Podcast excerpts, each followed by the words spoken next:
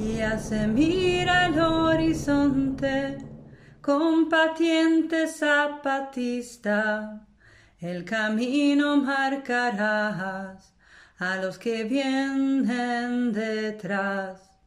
Vamos, vamos, vamos adelante, para que salgamos en la lucha avante, porque nuestra patria grita y necesita todo el esfuerzo de los zapatistas.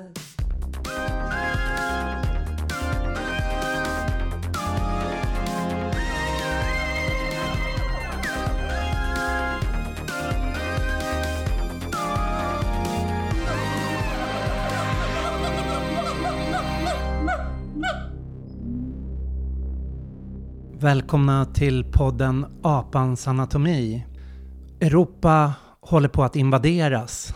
En flotta har anlänt och dess eh, armé, armé av drömmare kanske man ska säga, håller på och besöker oss och försöker få oss välvilligt att ta emot dem och acceptera deras avkolonialisering av Europa.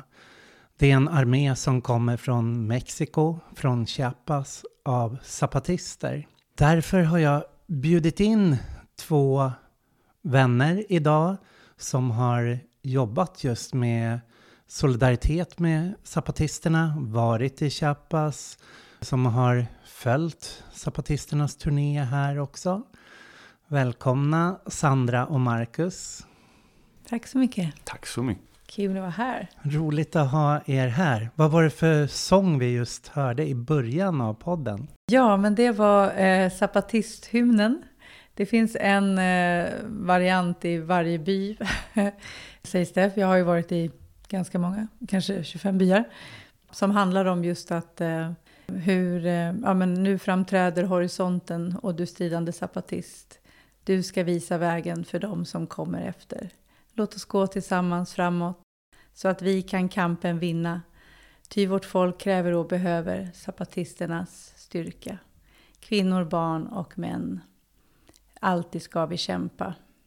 Så den är Mm. väldigt fin och eh, stark och jag fick äran att sjunga den för den svenska delegationen. Ja. Jag frågade om jag fick göra det. Jag kände så här, åh det här kulturell appropriering, att jag ska sjunga den.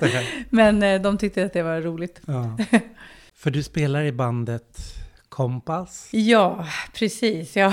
Apropå eh, kulturell appropriering. Nej, men jag, vi, jag menar, vi är ju många, eh, det är därför vi sitter här idag. Eh, inte bara vi, men många som har inspirerats av zapatisterna, av deras eh, kamp och också, de har ju det här rebeldia con alegria.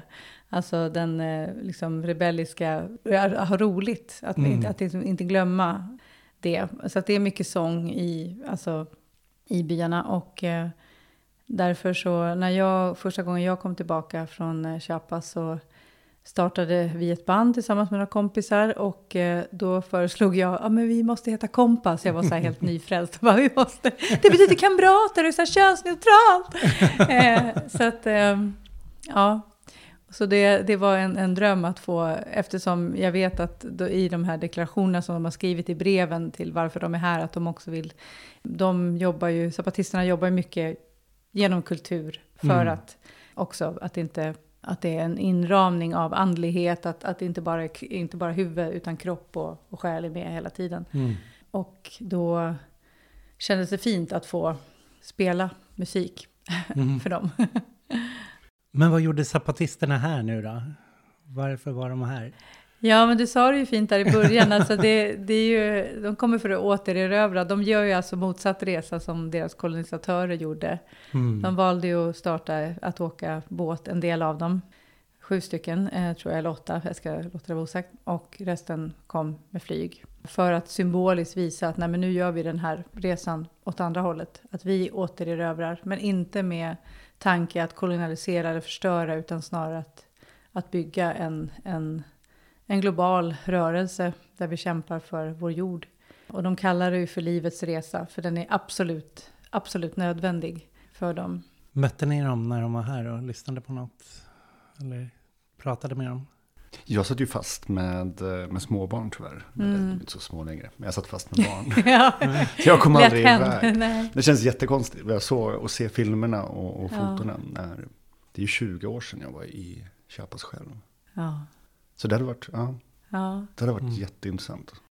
Ja, jag hade turen. Det, det, det var ju svårt. Jag, menar, jag vet att de som, som or- organiserade besöken har jobbat superhårt. Men det blev ju svårt, för det också... Det var ju på deras villkor, så att hela tiden en dialog med dem. Vad vill ni? Och så där. Och så att det kunde inte bli så stora framträdanden med tanke på säkerhet också. Men jag hade i alla fall turen att, att vara med på när det ordnades på Cyklopen. Mm. Eh, jättefint med samtal och eh, berättelser kring. De var väldigt noga med att de ville att de de mötte förstod vilka de var, varför de var där och deras historia. Och då fick ju vi spela dem med kompass och det var väldigt roligt. Och sen var jag med också när bland annat Latinamerikagrupperna och eh, ordnade en hel dag eh, där zapatisterna fick berätta sin historia och eh, sen också hade vi workshops kring på temat avkolonialisering. Hur kan vi liksom jobba tillsammans trots att vi har olika förutsättningar. Och några lever i den rika världen och andra inte. Och det var väldigt inspirerande. Fast jag var, jag var tolk, för jag, jag tänkte att jag kunde göra nytta av att, att hjälpa till med det. Sen reste de väl både norrut och söderut i Sverige att de var... Träffade de folk från Sápmi och... Ja, det gjorde de. Mm. Mm. Och det var precis, det var bland annat eh, Carmen Blanco Valer som själv är urfolk från, från eh, Peru som eh, ordnade sånt möte. Så att det, det var väldigt uppskattat. eh, För de ville ju verkligen träffa urfolk härifrån. Och så var de i Malmö och Jönköping och Stockholm och Göteborg. Ja, och så uppe i Tärnsjö och Östersund. Och, Det är en ganska intressant grej just med det avkolonialiserande tråden. Det är ju inget nytt hos själva zapatisterna. Jag minns det när man själv åkte dit, hur de mm, betonade att vi, ni ska inte komma och rädda oss. Utan Nej. vi kan ha en dialog och ni kan föra tillbaka kampen till era länder. Mm, och det. det är på något sätt, även om den inte alltid landade hos alla som reste dit, så, så landade den ändå hos de majoriteten kan jag tycka. mm, Och det var en ganska nyttig läxa folk förde tillbaka hit. Så det är väl en sorts fortsättning på den, just det. det spåret som de alltid har burit med sig. Mm. För att förstå eh, zapatisterna idag så behöver vi lite förstå deras historia. Men jag tänkte ändå vi kunde liksom börja med bara höra hur, blev, hur kom ni in på det här med vad som händer i Chiapas på andra sidan jordklotet? Det är en bra fråga. Hur det började? Alltså jag tror att det kanske, det kanske, jag tänker att när jag blev, eh, när jag var 16-17 år och, och, och började bläddra i, i mina första politiska böcker, då var det på något sätt, när jag snubblade över spanska inbördeskriget så var det så här, men titta, titta det hände en gång i tiden, det funkade. Det går att, att världen kan funka på ett annat ställe. Så när, när liksom upproret sen exploderade i, i, i Chiapas och man då sen framförallt efter några år fick höra talas om, om samhället de byggde fram, så blev det ett mer levande exempel på att den, den, de tankar och idéer och den politiken man skulle vilja se faktiskt går att förverkliga. Det är inte bara ett, att det gick i historien. Och det har jag hört från många andra senare generationer av aktivister också, att det är väl kanske det, den viktigaste. Att det går att göra och bygga ett annat samhälle. Mm. och sen kom du in på den resande folkhögskolan där. Färnebo folkhögskola. och- Precis, jag var ju, jag var ju supertaggad där. Så jag hakade på den första resan som gjordes med Färnebo folkhögskola till, till Mexiko 1999. Vilket innebar att vi spenderade ut tre månader då i, i Mexiko. Och mestadels av den tiden i Chiapas. Och var, jag har ju inte besökt några tvåsiffriga antal byar. Det var, det var kanske fyra, fem som, som man hann med. Och, men man visste Jag vann. Nej, jag men man ju ändå ganska länge varje plats. Och det var på en hel del olika platser. Liksom, både i Los Altos, i höglandet och i låglandsdjungeln. Och det är ju verkligen eh, platser som också skiljer sig åt väldigt mycket i förutsättningar. Och, och, och se- sen har det alltid legat kvar där. Men för mig har nog kanske alltid lärdomarna varit och de tankarna varit någonting som färgade min, min så här fortsatta aktivism här i Sverige. Men allt, det har alltid legat där liksom som en liten pyrande glöd och, och levt kvar som en inspiration. Men någon gång kanske jag åker tillbaks. Mm. Och du Sandra, hur halkar du in? Ja, hur halkar jag in? Alltså, jag, där jag är uppvuxen så var det väldigt många chilenare och eh, uruguayos. så att eh, jag var tidigt så här, väldigt intresserad. Så här, oh wow, de, ja, men, var spännande historier och också sorgliga historier. Alltså av att, lämna, eh, att läm behöva lämna sitt land och eh, ja, folk som hade kommit från Chile under Pinochet-diktaturen och hade blivit torterade och sådär. Men, men jag blev väldigt också, förutom att det hemska så slog det mig att, men varför vet jag ingenting om det här? Varför vet jag ingenting om all, alla deras kamper som de har fört och eh, hur de organiserar sig socialt och sådär. Så att jag, jag var väldigt intresserad, jag började läsa spanska och, och sådär. Sen så åkte jag och eh, pluggade i Basken. Kanske inte det bästa stället mm. man ska lära sig spanska, men jag lärde mig lite euskera också. Och då, det var precis 95, så det var ju då nyårsnatten till eh, 1995 som zapatisterna gjorde uppror och sa verkligen... 94 väl? Ja, det var ju 94 de gjorde, men jag fick för mig att det var nyårsnatten mot... Ja, förlåt, eh, dementerar. Ett år efter var jag mm. alltså i Basken. Och då, jag det vill säga 95. Ja, exakt, exakt. Så det, jag hade ju rätt i årtalet. Mm. så att, eh, då var jag i Basken och då var det ju såklart, det var väldigt mycket rapportering eh, där. Mm. Jättemycket och det var det nästan alla pratade om. Och då hade jag ju också, jag var ju politiskt intresserad så jag sökte mig till de här sammanhangen där, där folk pratar politik och, och så. Så det ledde fram till att jag också faktiskt 99 åkte till första gången till Chiapas. Och eh, jag blev faktiskt helt knockad. Alltså just de här, jag, jag, kan instämma i det som Marcus säger, att någonstans letar man alltid efter vad, ja men inte bara att, att bara fokusera på vad vi inte vill se, utan faktiskt bygga något nytt. Och det var, var helt otroligt att komma till de här byarna där de liksom, det här är en autonom kommun, du får visa ditt pass, du får söka tillstånd att komma in här. Det var helt på deras villkor, så här, vad de behövde oss eh, observatörer till, fredsobservatörer.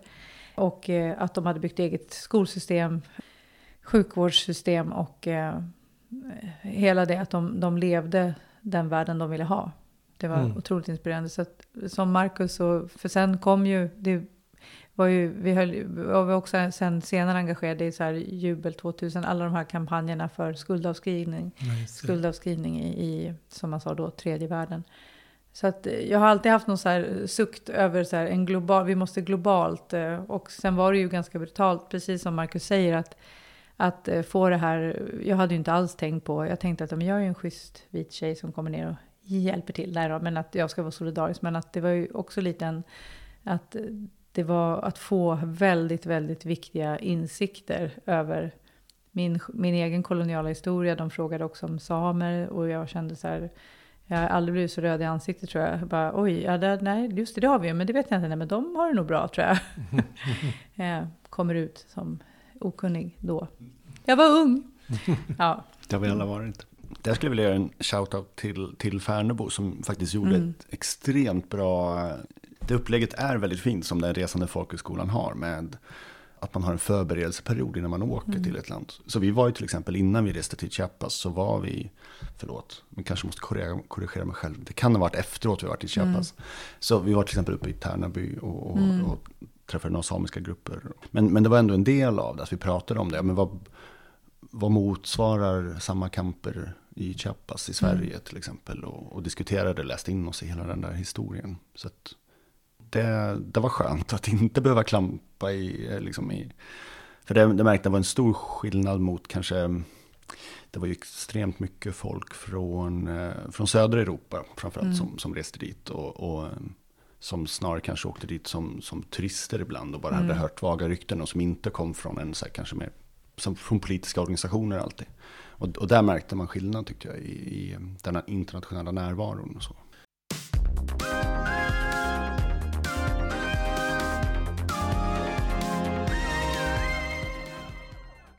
Den eh, delegation som kom över nu, de, deras båtar åkte ju, jag tror det var 10 april, som är Emilio Zapatas dödsdag.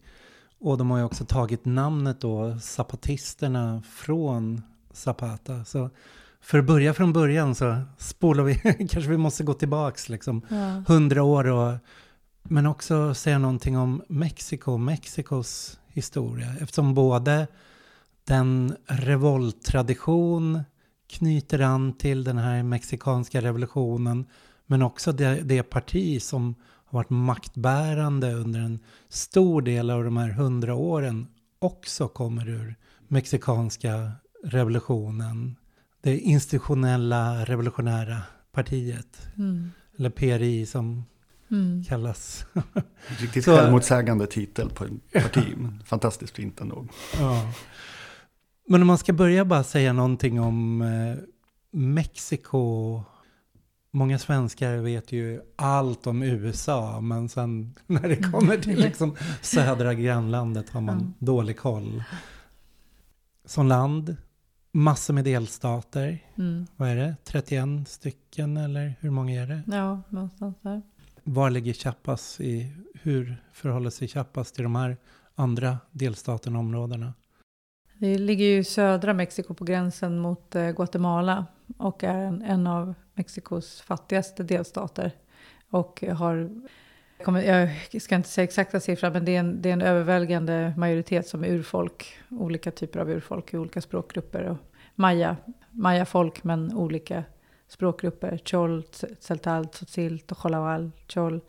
Ja, för att nämna några då. Så att det ligger i södra Mexiko och har alltid varit, eller ja, om vi ändå ska backa till hundra år, om vi börjar där, Mm. så alltid varit eh, väldigt, väldigt fattigt. Mm. Och eh, varit eh, präglat av eh, stora ja, landägare som har haft, eh, alltså mestiser, de, de koloniserande spanjorerna som kom dit eh, bildade stora, stora fincas, stora, stora, vad säger man på svenska?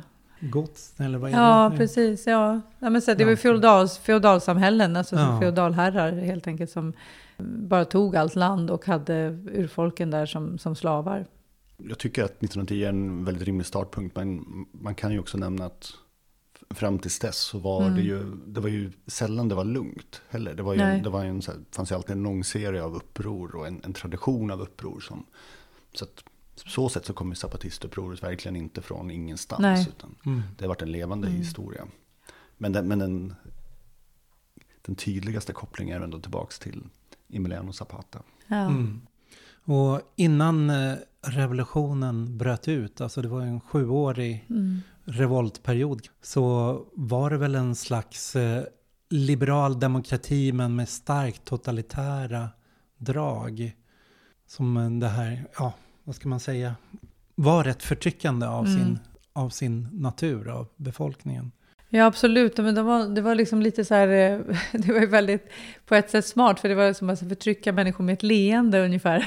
Mm. Alltså att eh, det är intressant till exempel, alltså Mexiko är ju ett land också där idag, det tror jag att de flesta har hört talas om också, att eh, det mördas väldigt my- mycket journalister och eh, människorättsförsvarare, aktivister, bondeledare och sådär, och framförallt klimataktivister.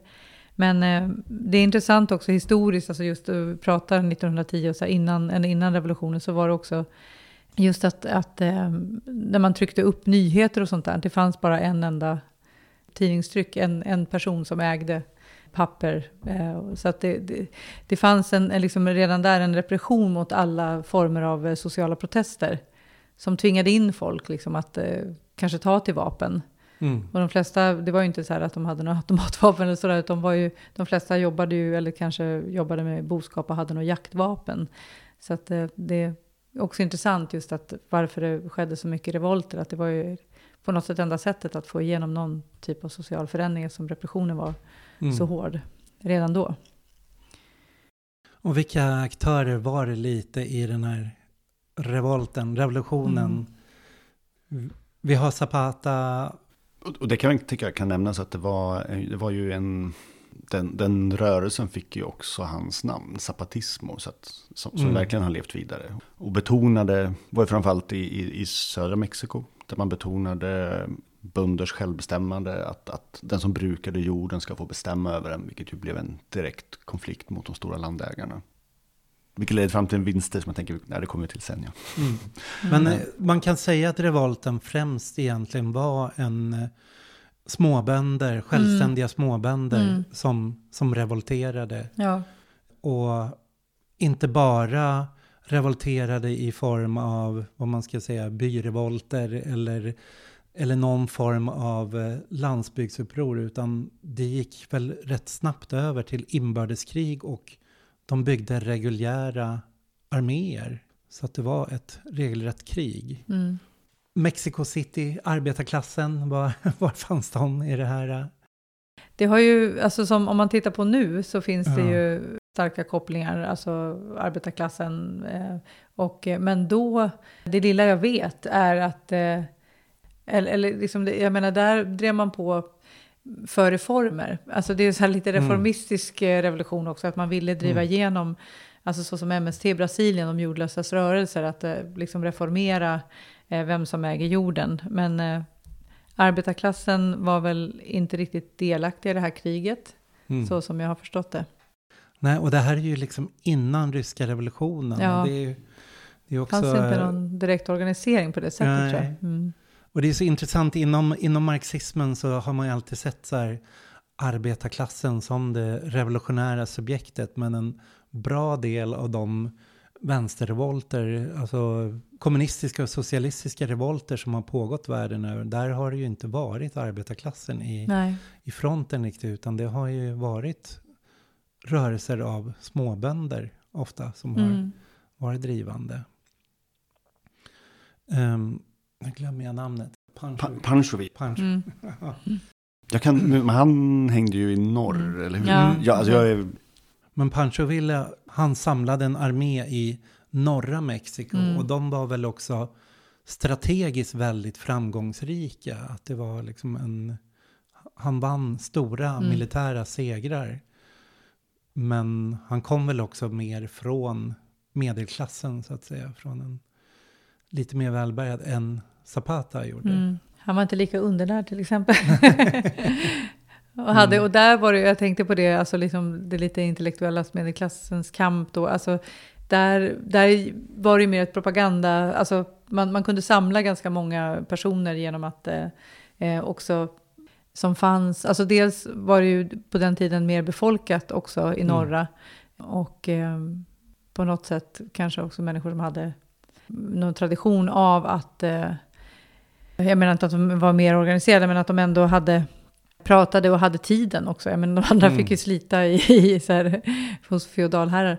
Eh, så att det, det är också lite en intressant aspekt, sådär, om, Mm. man, om man tänker klassfrågan. Och i norra fanns också då mer gruvdrift. Ja, och precis. Och sånt. mer Så att det här var liksom gruvområden som Mm. de här arméerna kom mer ifrån. välbärgade och så, och kanske mer vapenpersonal också. Mm.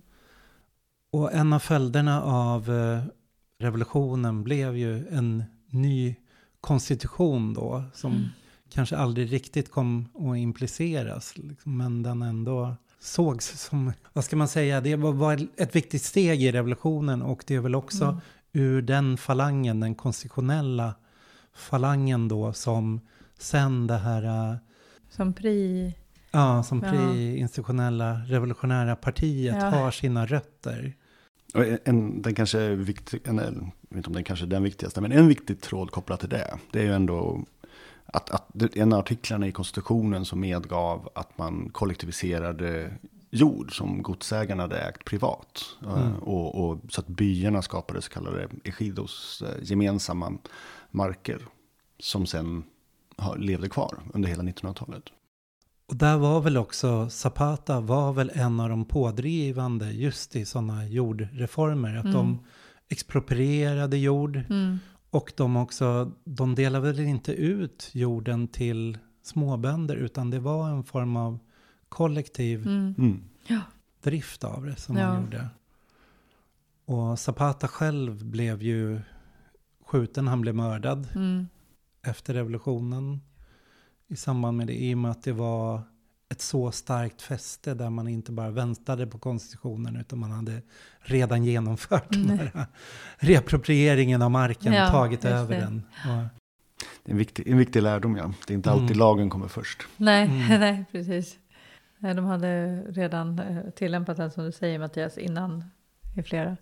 Det är, bara om vi går tillbaka till eh, zapatisternas resa nu så var ju det en väldigt viktig punkt som de pratade om just det här att hur de pratade väldigt mycket om sina förfäder då. Alltså att de som levde som slavar och också stred sen i, revolutionen. Men sen flera av dem som bara helt enkelt, vi måste försöka nu på eget, på eget sätt att ha vår egen jord och bruka den. Så att den, den historien är ju väldigt, väldigt närvarande. Och just den, hur, eh, hur man gång på gång försökte med fredliga medel kunna vara, vara ja, men som du sa, de, att la tierra es de quien la trabaja, alltså jorden är, är till den som brukar den. Mm. Men som jag har förstått det då så Chiapas eh, nåddes aldrig riktigt av den här mexikanska revolutionen. Att det fortsatte vara samma feodala förhållanden som mm. innan där. Så att de påverkades inte riktigt på det sättet av revoltrörelsen. Det exproprierades inte mark där. Nej. Att de här stora godsherrarna eller lantgodsen var intakta och liksom behöll den här mm. repressiva makten med egna garden och så. Som... Mm. Just det, det tog de också upp eh, under deras besök. Det var väldigt viktigt då för eh, zapatisterna att visa hur de eh, verkligen hade ja, försökt då, men att inte jordreformerna nåddes dit, utan de hade ju då försökt att själva bruka jorden, men slogs tillbaka väldigt brutalt. Och ett, ett extremt kolonialt eh, våld och eh, väldigt mycket våld mot kvinnor och eh, ja, mycket våldtäkter och, och, och så. så väldigt, lever under väldigt våldsamma, en enorm både kulturellt och strukturellt eh, direkt våld även efter revolutionen. Eller, Så ja. mark fortsatte väl hela tiden i Chiapas att vara en väldigt, under de här åren varit en stridbar fråga där man också drivit bort många småbrukare, tvingat ut dem i, fördrivit dem från marken, tvingat ut dem i djungeln mm. och även haft boskapsskötsel eller former av jordbruk som har gått på export där man har bara krävt säsongsarbetare som har fått komma, arbeta och sen gå därifrån. Liksom. Mm, så att det har mm. varit en, en rörelse där från ut i djungeln så att säga. Ja, ja precis. Och apropå just djungel, det är, det är ju en ganska intressant geografisk ja. uppdelning där. där det, det är ingen slump att det är djungeln respektive i höglandet där mm. som zapatisterna har sådana starka fästen. Medan i i låglandet med den bästa odlingsmarken. Där, där finns de inte och där lever ju den här gamla, den gamla makten fortfarande kvar. Om vi går tillbaka till mexikanska revolutionen då, så ur det så växer det här PRI, det partiet fram och de är liksom anslutna till Socialistinternationalen. Det räknas då som ett socialdemokratiskt parti, ett reforminriktat parti ett välfärdsbyggarparti. Mm. Men eh, den mexikanska välfärden ser ju inte riktigt ut som vi tänker oss välfärden här i vår socialdemokratiska tradition. Så hur ska man beskriva PRIs relation liksom till, till staten under mm. de här mm. åren? För de sitter ju vid makten från ja. 1930 till, till år 2000 i 70 ja, år ja. i sträck. Så att det är ju ett enpartisystem ja. under de här... Kudos. Verkligen. Det är väl, nu är mina kunskaper ringrostiga här också, men, men eh, jag minns ju att det var, ehm, jag menar, om man ska ta den tråden just kring, kring välfärd och, och, och hur den delades ut, så var den inte direkt universell. Det är väl en kanske viktig punkt. Mm. Det, det byggdes upp en del välfärdssystem, men det fanns fortfarande kvar en ganska rasistisk struktur i hur den fördelades. Och alla fick aldrig del av den. Speciellt då i, i, i mm. till exempel olika mayagrupper nere i, södra Mexiko. Som, där, där läskunnigheten fortsatt var jättelåg in i slutet på 1900-talet. Det, det gjordes ju en, och det är det som är intressant, att, att till synes så det var ju på 30-talet till exempel, minns jag, gjorde de en hel del väldigt progressiva reformer. Men att det här aldrig ändå spreds överallt. Och man blev mer och mer institutionaliserat och man blev mer och mer själva staten. Och man tog över hela, hela och blev ett med statsmakten och, och började egentligen köpa sig röster med, mm. Mm. vad är den spanska termen för det? Man, Klientelism brukar ja, det klientelism, kallas på. Ja, precis. Ja. Um, precis. Man, man, köpte sig liksom, tro, här får ni ett gäng säckar cement mm. om byn kommer och röstar. Här får ni liksom utsäde för nästa år mm. om ni kommer och röstar. Att det, var, det var den sortens re relation man hade kort och gott till mm. befolkningen. Det var ingen på intet sätt en demokratisk folkrörelse som bygger upp partiet.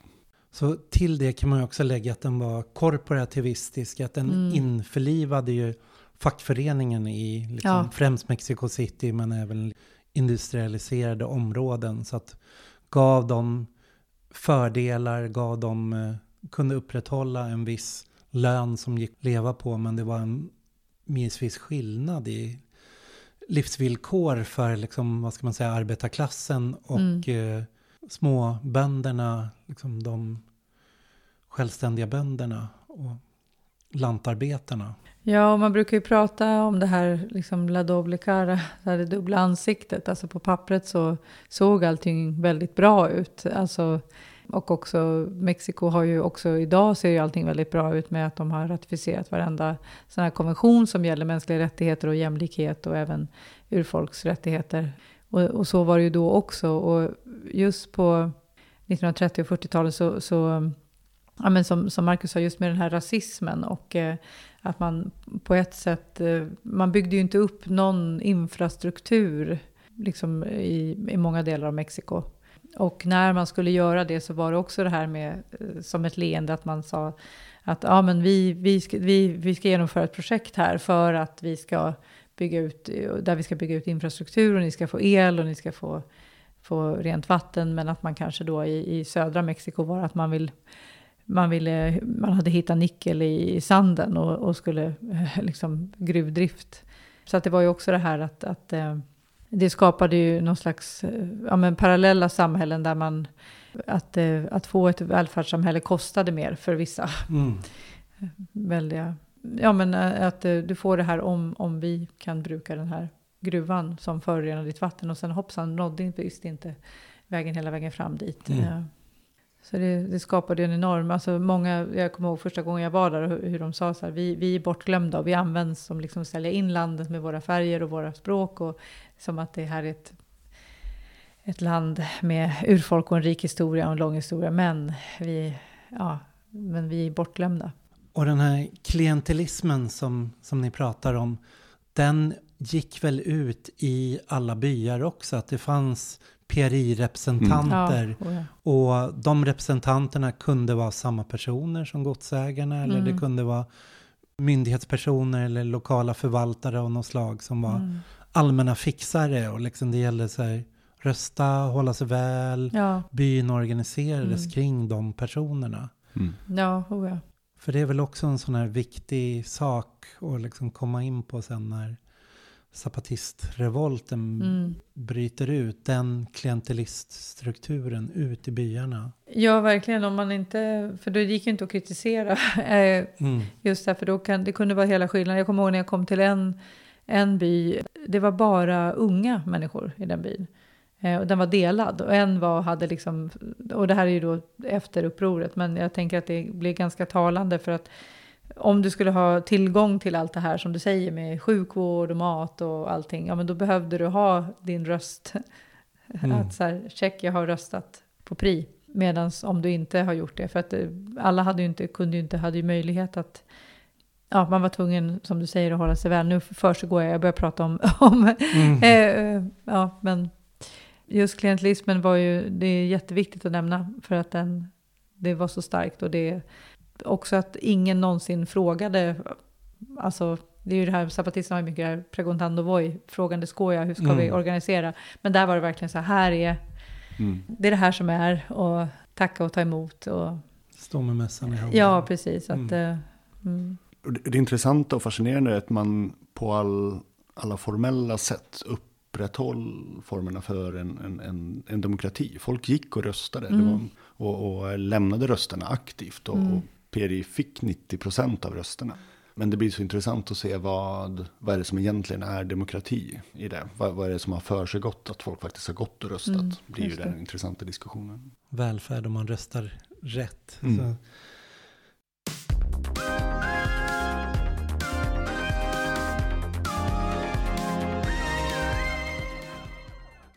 Om vi hoppar lite framåt så 1968 studentrevolter över hela världen, studentprotester. Mexiko ska stå värd för olympiska spelen. Och då händer ju någonting som får också oerhört stor betydelse för, för zapatismen sen. Ja, då eh, samlades det ju eh, en gigantisk demonstration på det, på det stora torget Zocalo i, i Mexico City. Och eh, för att göra en, en hemsk historia kort så rullade det ut stridsvagnar och, och, och soldater kom ut från ett av, nu har jag glömt namnet på det palatset, men någon, en av de statliga institutionerna där mm. som hade ett palats eh, vid Invidtorget. Och, och, och massavrättade folk. Och sen följde det en, en gigantisk repressionsvåg som nästan aldrig tog slut. Eh, mm. Och fortsatte in på både 70 och 80-talet. Och, och sen tog ju revolten slut. Mm. Man, eh, det var ju så man hanterade det i mm. Mexiko. Mm. Det var eh, med, med en, en, en ofantligt svårförstådd mängd våld nästan. Så när vi pratar om våld idag så är det ju ja, det är en rimlig grej att ta upp för att förstå att det, det där är ingenting nytt, utan det är så staten har. Mm. Man har ju verkligen lockat med välfärd, men, men går det utanför ramarna för vad som är okej, då, då, blir det väldigt, då trappas våldet upp väldigt snabbt. Mm. Men det får ju också 68-vänstern, studentvänstern, att gå under jorden. Mm. Både att lämna Mexico City och söka mm. sig till landsbygden i hela Mexiko mm. och gå under jorden och bygga upp eh, strukturer inspirerade mer av, av både av maoismen men framförallt mm. av den latinamerikanska gerillatraditionen och Che mm. Guevara. Mm. Mm. Liksom, bygga sådana strukturer. Och det verkar ju som att det är två sådana strukturer som var verksamma i Chiapas. Att det fanns en större, mer välorganiserad som hette Linja Proletaria. Mm. Som var mer maoistisk. Som var ute och var verksamma i byarna och organiserade. Men sen som successivt, lite som svenska maoisterna mm. liksom i SKP kom att bli infångas in i etablissemanget, avradikaliseras och blir liksom en ny, ny generation som bara fångades upp. Och sen så fanns det här mindre då Fuerza Liberación Nacional. Mm, FNL. Ja, precis. Jag, jag, tänkte också, man kanske, det bör nämnas en tredje som var, alltså redan med Fray Bartolomé de las Casas som var en, en eh, faktiskt spansk katolsk präst, men som ja, tyckte ju att, eh, som inspirerade studentrörelsen mycket, för att, eh, som var otroligt emot, alltså han levde ju på 1500-talet då, mm. eh, när eh, Mexiko kolonialiserades och den här brutala mordvågen av urfolk och, och, och, hur man kolonialiserade landet. Där började han, var han en av de första ja, vita som formulerade de här tankarna att vi kan inte behandla urfolk, vi måste också eh, hitta eh, sätt att lagföra de här brotten, de här, eh, vet du kolonisatörerna måste ställas inför rätta och det. Och de idéerna plockades också upp av studentrörelsen, alltså just det här att det, det, vi behöver vi mestizos, alltså vi som är ättlingar av kolonisatörerna, har, liksom, är skyldiga någonstans. Mm. Så att i, i Chiapas har det också varit biskopar, alltså befrielseteologi, alltså att man, ja. man har, som också funnits. Det är ju lite olika, men, men, men, eh, men, den, men det finns också med, så att säga. Och den når ju också sin kulmen där under 70-talet, mm. tidiga 80-talet, ja, befrielseteologin, och blir ja. väldigt stark. Att den blir ju väldigt, ja men marxismen och ja. kyrkan närmar sig varandra. Exakt, där. marxismen och kyrkan närmar sig. Det är ett väldigt bra sätt att uttrycka det. Mm. Just att, eh, att det, att, men den, den, det som var intressant med det var ju också att eh, det fick också människor i städerna att, att närma sig, alltså att tänka att vi, vi behöver eh, vara en rörelse också med urfolk eh, och där vi kan mm. på något sätt göra upp med vårt arv. Så det är någon sån här tankeexperiment som, som, som också fanns eh, hos både FLN och, FLN och eh, eh, ja, vad heter de nu? Mm. De maoistiska rörelsen som, ja, det, som blev lite upp. Ja, precis. Och det, jag, jag tänker också är, ehm, det där var ju ett, ett långsamt projekt också som, som byggdes upp med bland annat eh, tack vare biskop Samuel Ruiz. Mm. När, när, man underifrån Precis. verkligen stöttade en, en befrielseteologiskt stift. Och man var ett mm. uttalat befrielseteologiskt stift med mm. mycket så här barfota predikanter. Mm. Och, och, och liksom, som byggde på ett, på ett gräsrotsarbete. Mm. Som, som sen också påverkade zapatisternas mm. själva både innehåll och struktur väldigt mycket. Och i Latinamerika, Sydamerika så var det ju diktaturer i, Mm. i de flesta länder. Mm. Och det var ju också det som kom att driva en stor del av kyrkan mot, mot marxismen på det Mm. sättet de Mm. åren. Att radikalisera liksom, katolska kyrkan. Jag läste någonstans att det var ungefär 30 gerillor verksamma på 70-talet i Mexiko. Ja. Även om Ja. kanske är små och inte Ja. fungerar. Och en massiv repression också. Men att Ja. jag säger också om, någonting om att utrymmet att jobba öppet inte var så stort. Mm. Mm. Det var Mm. Nej, den, nej, verkligen. Det var ju, det var ju tvungen att vara underjordiskt. Ja, men som, som vi sa här med studentrörelsen. Att det, och jag, jag tror jag nämnde det i början också. Alltså just det här, den, eh, det som Mexiko fortfarande inte har gjort upp med som stat. Att den här enorma repressiva politiken och strukturella våldet mot folk som motsätter sig. Så att man tvingar in människor i, liksom, i, i revolt. Alltså att man måste ta till vapen för att Mm. kunna förändra.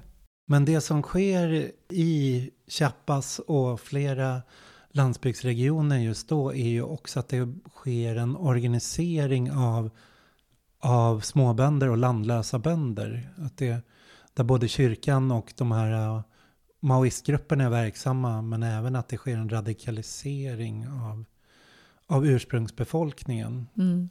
som sen bara kommer att fortsätta någonstans. Ja, och det, det tycker jag är intressant när man tänker på olika doktriner. För det, i hela Latinamerika så har det ju, jag tänker på att eh, man har varit marxister eller maoister eller ja, sen blev man leninister, stalinister, alltså olika sådär. Men det som, blev, det som var intressant med zapatismen när den sen väl trädde fram var ju att de var väldigt tydliga med att vi, vi är inte någon av dem. Mm.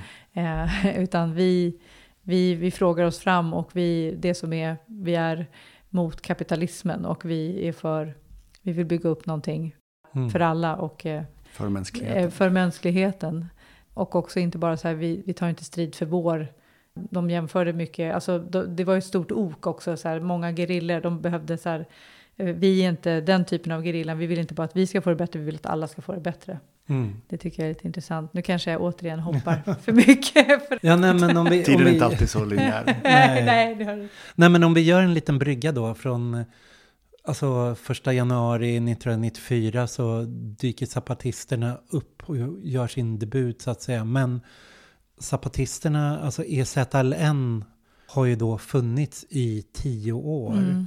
Och de bildas ju 1983 och det är ju den lokala då FLN-gruppen så att säga som där de är fyra, fem stycken som går ut i Lakonda-djungeln eller Mm. i Chiapas och har på FLNs direktiv, de har ju bestämt liksom i de olika landsändarna ska det byggas, sättas upp gerillaarméer och den för Chiapas ska heta EZLN. Mm. Ejército Zapatista de Liberación Nacional, Ja. alltså armén för nationell befrielse. Den zapatistiska armén för nationell befrielse, förlåt. ja, Vad gör de då de här tio åren då Ja. de är där ute och man, Ja. man inte hör om dem? Det är en ganska rolig historia egentligen. Eh, Eller frågan är hur roligt det var för, för kanske för FLN. Men Mm. eh, de, eh, ifall vi inte definierar dem förut, de, de var, om jag har förstått det rätt, var de ganska klassisk så eh, Che Guevara-inspirerad Mm. Eh, liksom befrielsegrupp. Och, Focuismo eller vad kallar man det? Mm, Den mm. formen. just det. Mm. de hade ju ändå koll och skulle ju ändå bara få med sig massorna på, på rätt linje. Men istället så blev det en sorts eh, långsam omskolningsprocess där de, där, där de var en part och en grupp urfolk i djungeln som, som redan var radikaliserade var, var en part. Och sen den övriga befolkningen som i början var väldigt skeptisk till de här tjuvarna och banditerna som först dök upp. Man inte riktigt förstod vad deras syfte var. Och i en sorts långsam lärandeprocess där kan man säga är där de mötte en helt annan struktur som var en, en här mycket mer deltagande demokratisk struktur som, som hade levt vidare och som var den lokala traditionen. Som formade det som idag blev zapatiströrelsen. Mm. Och det är väl kanske viktigt att ta upp redan nu att, att när man pratar om zapatiströrelsen så är det, är det, en sak och själva armén, EZLN, är en annan sak. Ja. Och, och det, är, liksom- det är två olika strukturer där, där den ena är, är liksom en basdemokratisk och, och, och ganska konsensusinriktad struktur som har beslutande makten över armén.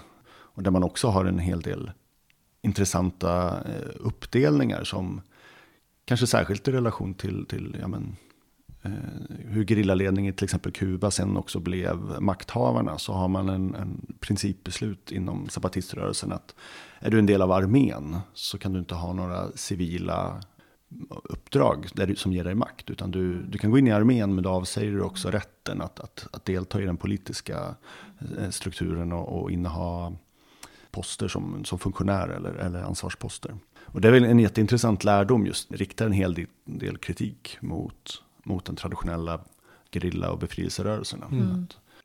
Men samtidigt så EZLN har ju fortfarande en, en till idag den här hierarkiska Mm, mm. strukturen. Och de lyder ju under FLN ända till ett år innan revolten, en halvår innan revolten. Det är ju september 93 som det går ut något direktiv från Mexico City, ledningen för FLN, om att de ska skicka upp pengar och att det är dags att gå ut och påbörja revolten. Och EZLN klipper. Och om man säger då, när zapatisterna då kapar det här bandet till FLN, bestämmer sig för att dra igång den här revolten själva, så är de ju fortfarande väldigt i den här Che Guevara-traditionen så är det ju ändå att det militära strukturen, gerillastrukturen ska styra över den civila. Det är Mm. liksom ledningen, hjärnan Mm. som håller ihop det här. Och det när revolten bryter ut den eh, första januari 1994, då är de ju fortfarande inne i de här tankarna. Mm. Och tänker att det här, liksom, de har förstått liksom att FLN i de andra delarna av Mexiko har inga, de har inga strukturer, det är bara tomt resten. Så det är bara de i Chiapas som har fått de här orderna. Och så går de ut och vad händer då första januari? Varför första januari och vad händer på? Det, är väl en bra punkt att ta kanske först, ja. Varför, Ja. varför är det datumet Ja. intressant? Ja, precis. Och då, då hamnar vi tillbaks i mexikanska revolutionen igen. Och det här Ejido-systemet om den, den gemensamt ägda jorden som inte går att äga privat. Och som, som byarna äger och förvaltar gemensamt. Och när då NAFTA-avtalet, det frihandelsavtalet med, mellan Kanada, USA och Mexiko eh, träder i kraft 1 januari, januari 1994. Då, då ger det staten rätt att upphäva och direkt omvandla det till privat mark och sälja det till högstbjudande. Så det blev väl den, den viktiga symboliska frågan om, om, eh, om hur frihandeln, och, och den analysen var helt korrekt, Mm. fullkomligt slog sönder småböndernas livssituation i, i, i Mexiko och spred en enorm fattigdom. Även om man då inte visste det än, men det var ju en väldigt rimligt antagande. Och, och för att knyta an då till eh, det du pratade om sist Mattias, att den här, den här liksom gerillatraditionen och synen på sig själva som ändå en viss form av avantgarde, det, var- det, var liksom inte, det var inte helt borttvättat än. Och, och man hade någon sorts förhoppning att nu startar vi vår revolt och det här kommer spridas. Mm. Resten av Mexiko kommer hänga på. Men det blir ju inte riktigt så. De, de har ju inte så mycket resurser. Det är ju, jag jag minns man fick berättelser om, om att eh, de var tio stycken i ett led och var en eller två av dem som hade gevär. Och Mm. resten hade träpåkar som skulle se ut som gevär. Och de plockade upp vapnen efterhand när, Mm. om de lyckades få några militärer på flykt och så vidare. Mm. Så de hade ju otroligt dålig utrustning. Och det, det tog ju inte lång tid innan, innan den federala armén hade dem på de städerna de tog jättesnabbt. Vilket Mm. var flera stora städer Mm. i, i, hela De tog Chiapas. sex stora. Då. Mm. Mm. 12 dagars revolt och sen Mm. var de omringade och Mm.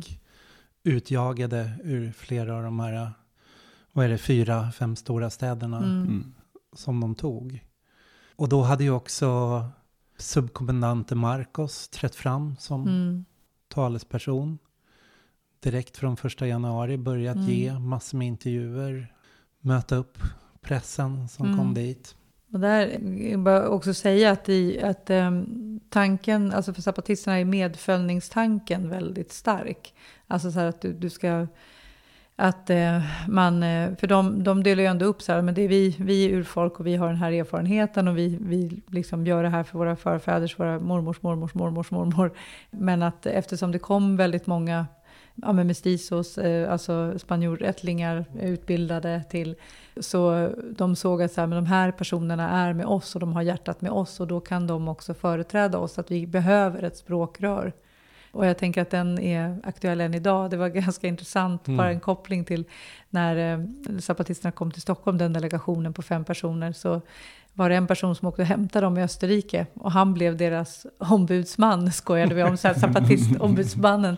För att då, de ville ha den här liksom medföljningen, att så här, det här är en person som vi inte behöver, som kan hela tiden komma tillbaka till vad, vad är det vi vill förmedla. Så det är en, en kanske ja, intressant att bara höra. Men sen då, det här liksom blir en väldigt kortvarig revolt, men någonting händer ju 10 januari så, som vänder allting. Mexiko har skickat in armén. Det är väl, jag läste någonstans att vad är det, en tredjedel av Mexikos armé är förlagd i, i Chiapas. Liksom, mm, de ja, har, det är otroligt militariserat. Ja, så att det är en helt militariserad zon.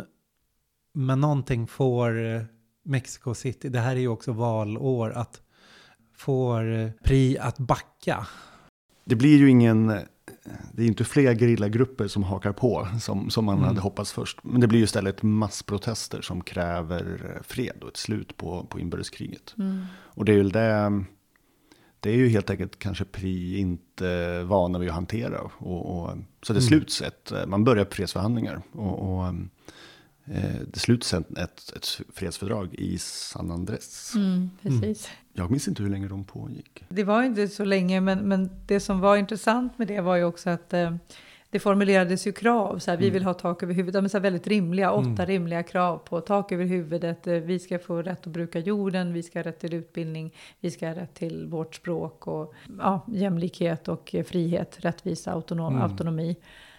Men, eh, och det var ganska roligt när, för det var ju bland annat som Marcus nämnde Samuel Ruiz, den här biskopen mm. som eh, var då i, i San Cristobal stift, som var med och skötte fredsförhandlingen och även eh, vad heter det, Fraiba, eh, Centro de Derechos Humanos Fray Bartolomé de las Casas, just ett människorättscenter som, med, som är jurister och advokater och sådär som, mm. som också består av, de är också urfolk så de kom representera alla, alla eh, språkgrupper i Chiapas.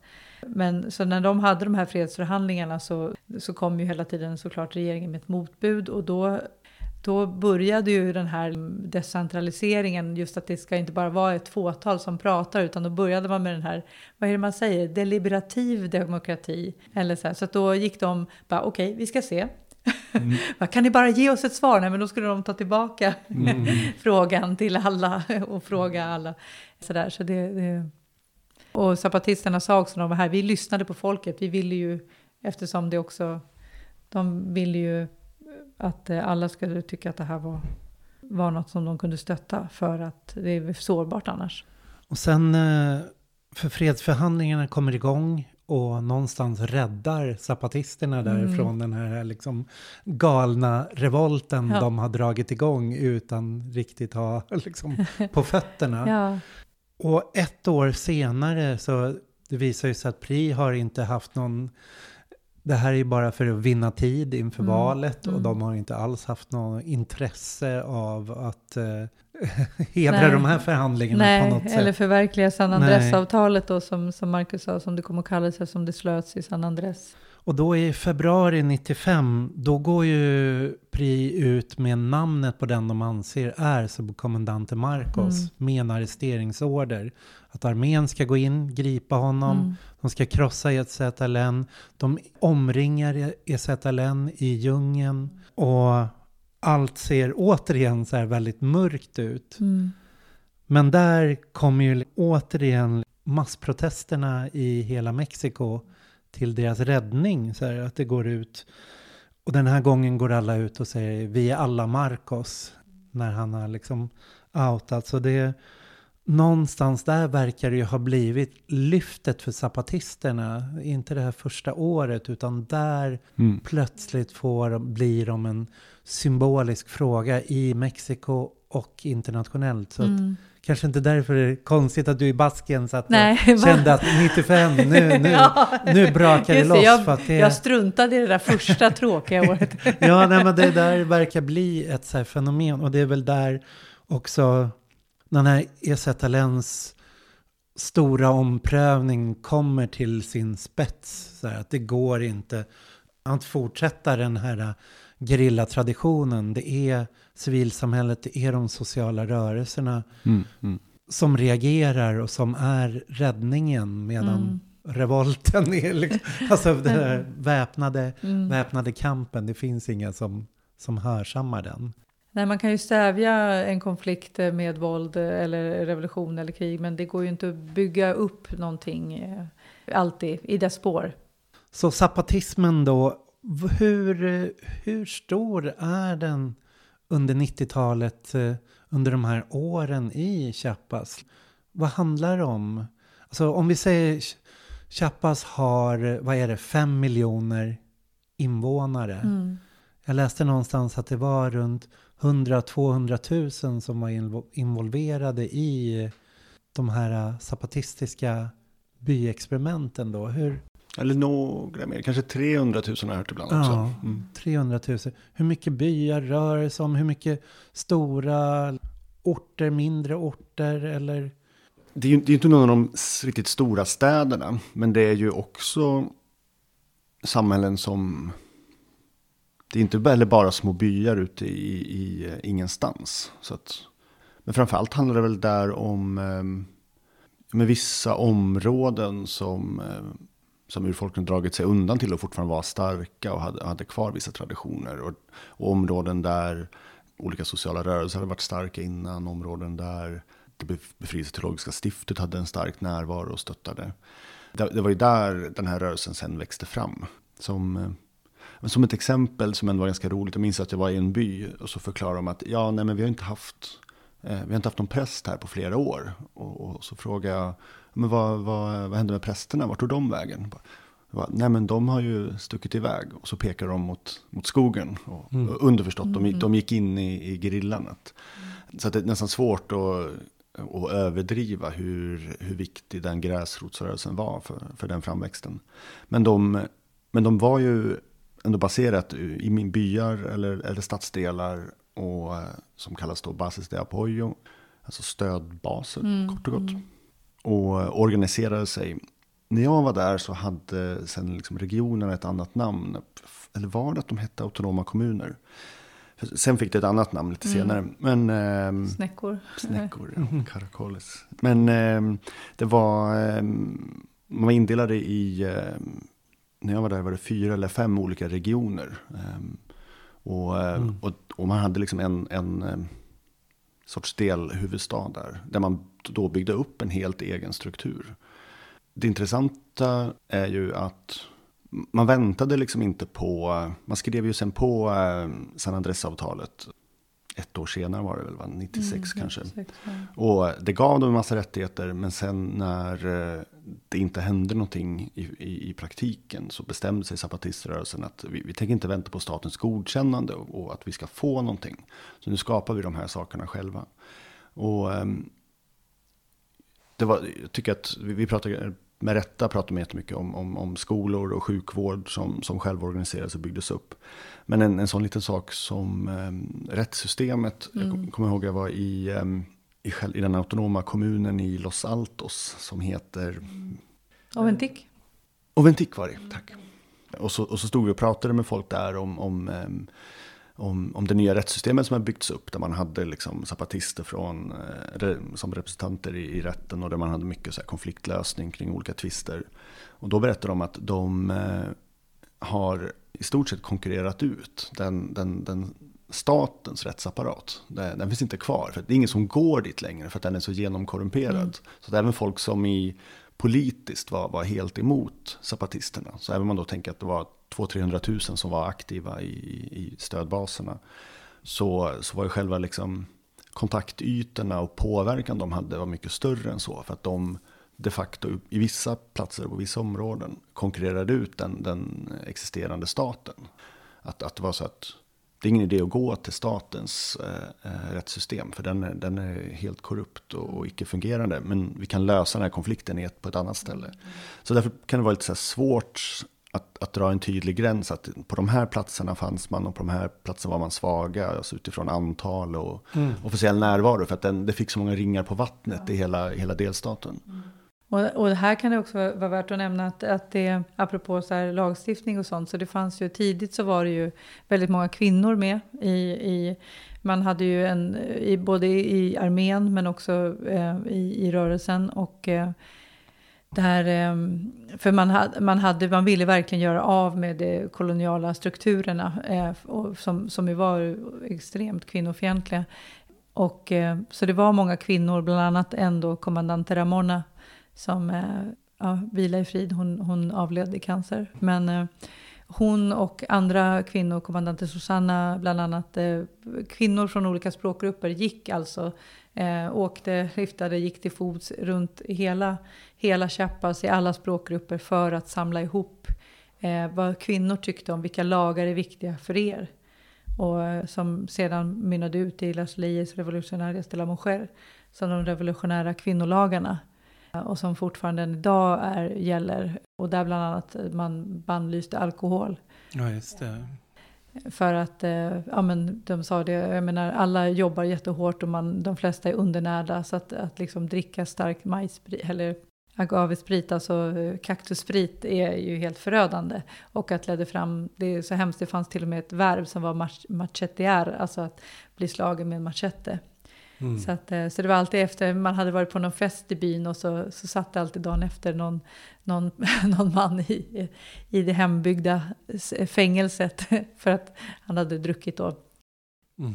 Så att det är också en, en viktig sak att, att komma ihåg. Och det är också lite som Marcus säger, att där, där var det ju fler kvinnor naturligtvis som såg det här också som rättssystem och eh, de byggde upp eh, så här, defensores populares, alltså så här, folkliga kvinnor som, som hade bildat, eh, eh, men nästan som feministiskt självförsvar, just att, så här, att hör vi en kvinna som blir misshandlad så går vi alla dit. Så att det, det, de strukturerna tog sig över lite i byar. Sen så var det ju väldigt fragmentariskt, för det var ju ett enormt förtryck mot zapatisterna och en enorm militarisering mm, från mm. 96 och framåt. Det började ju som ett lågintensivt krig, blev ju prisvarat liksom lite under och, och, därför så, så var det väl flera som, som kanske ville också driva de här reformerna eh, som zapatisterna som höll med i sak men som tvingades tillbaka till att bosätta sig i eh, prikontrollerade byar för att få rätt till, till sjukvård eller ma mat för dagen helt enkelt.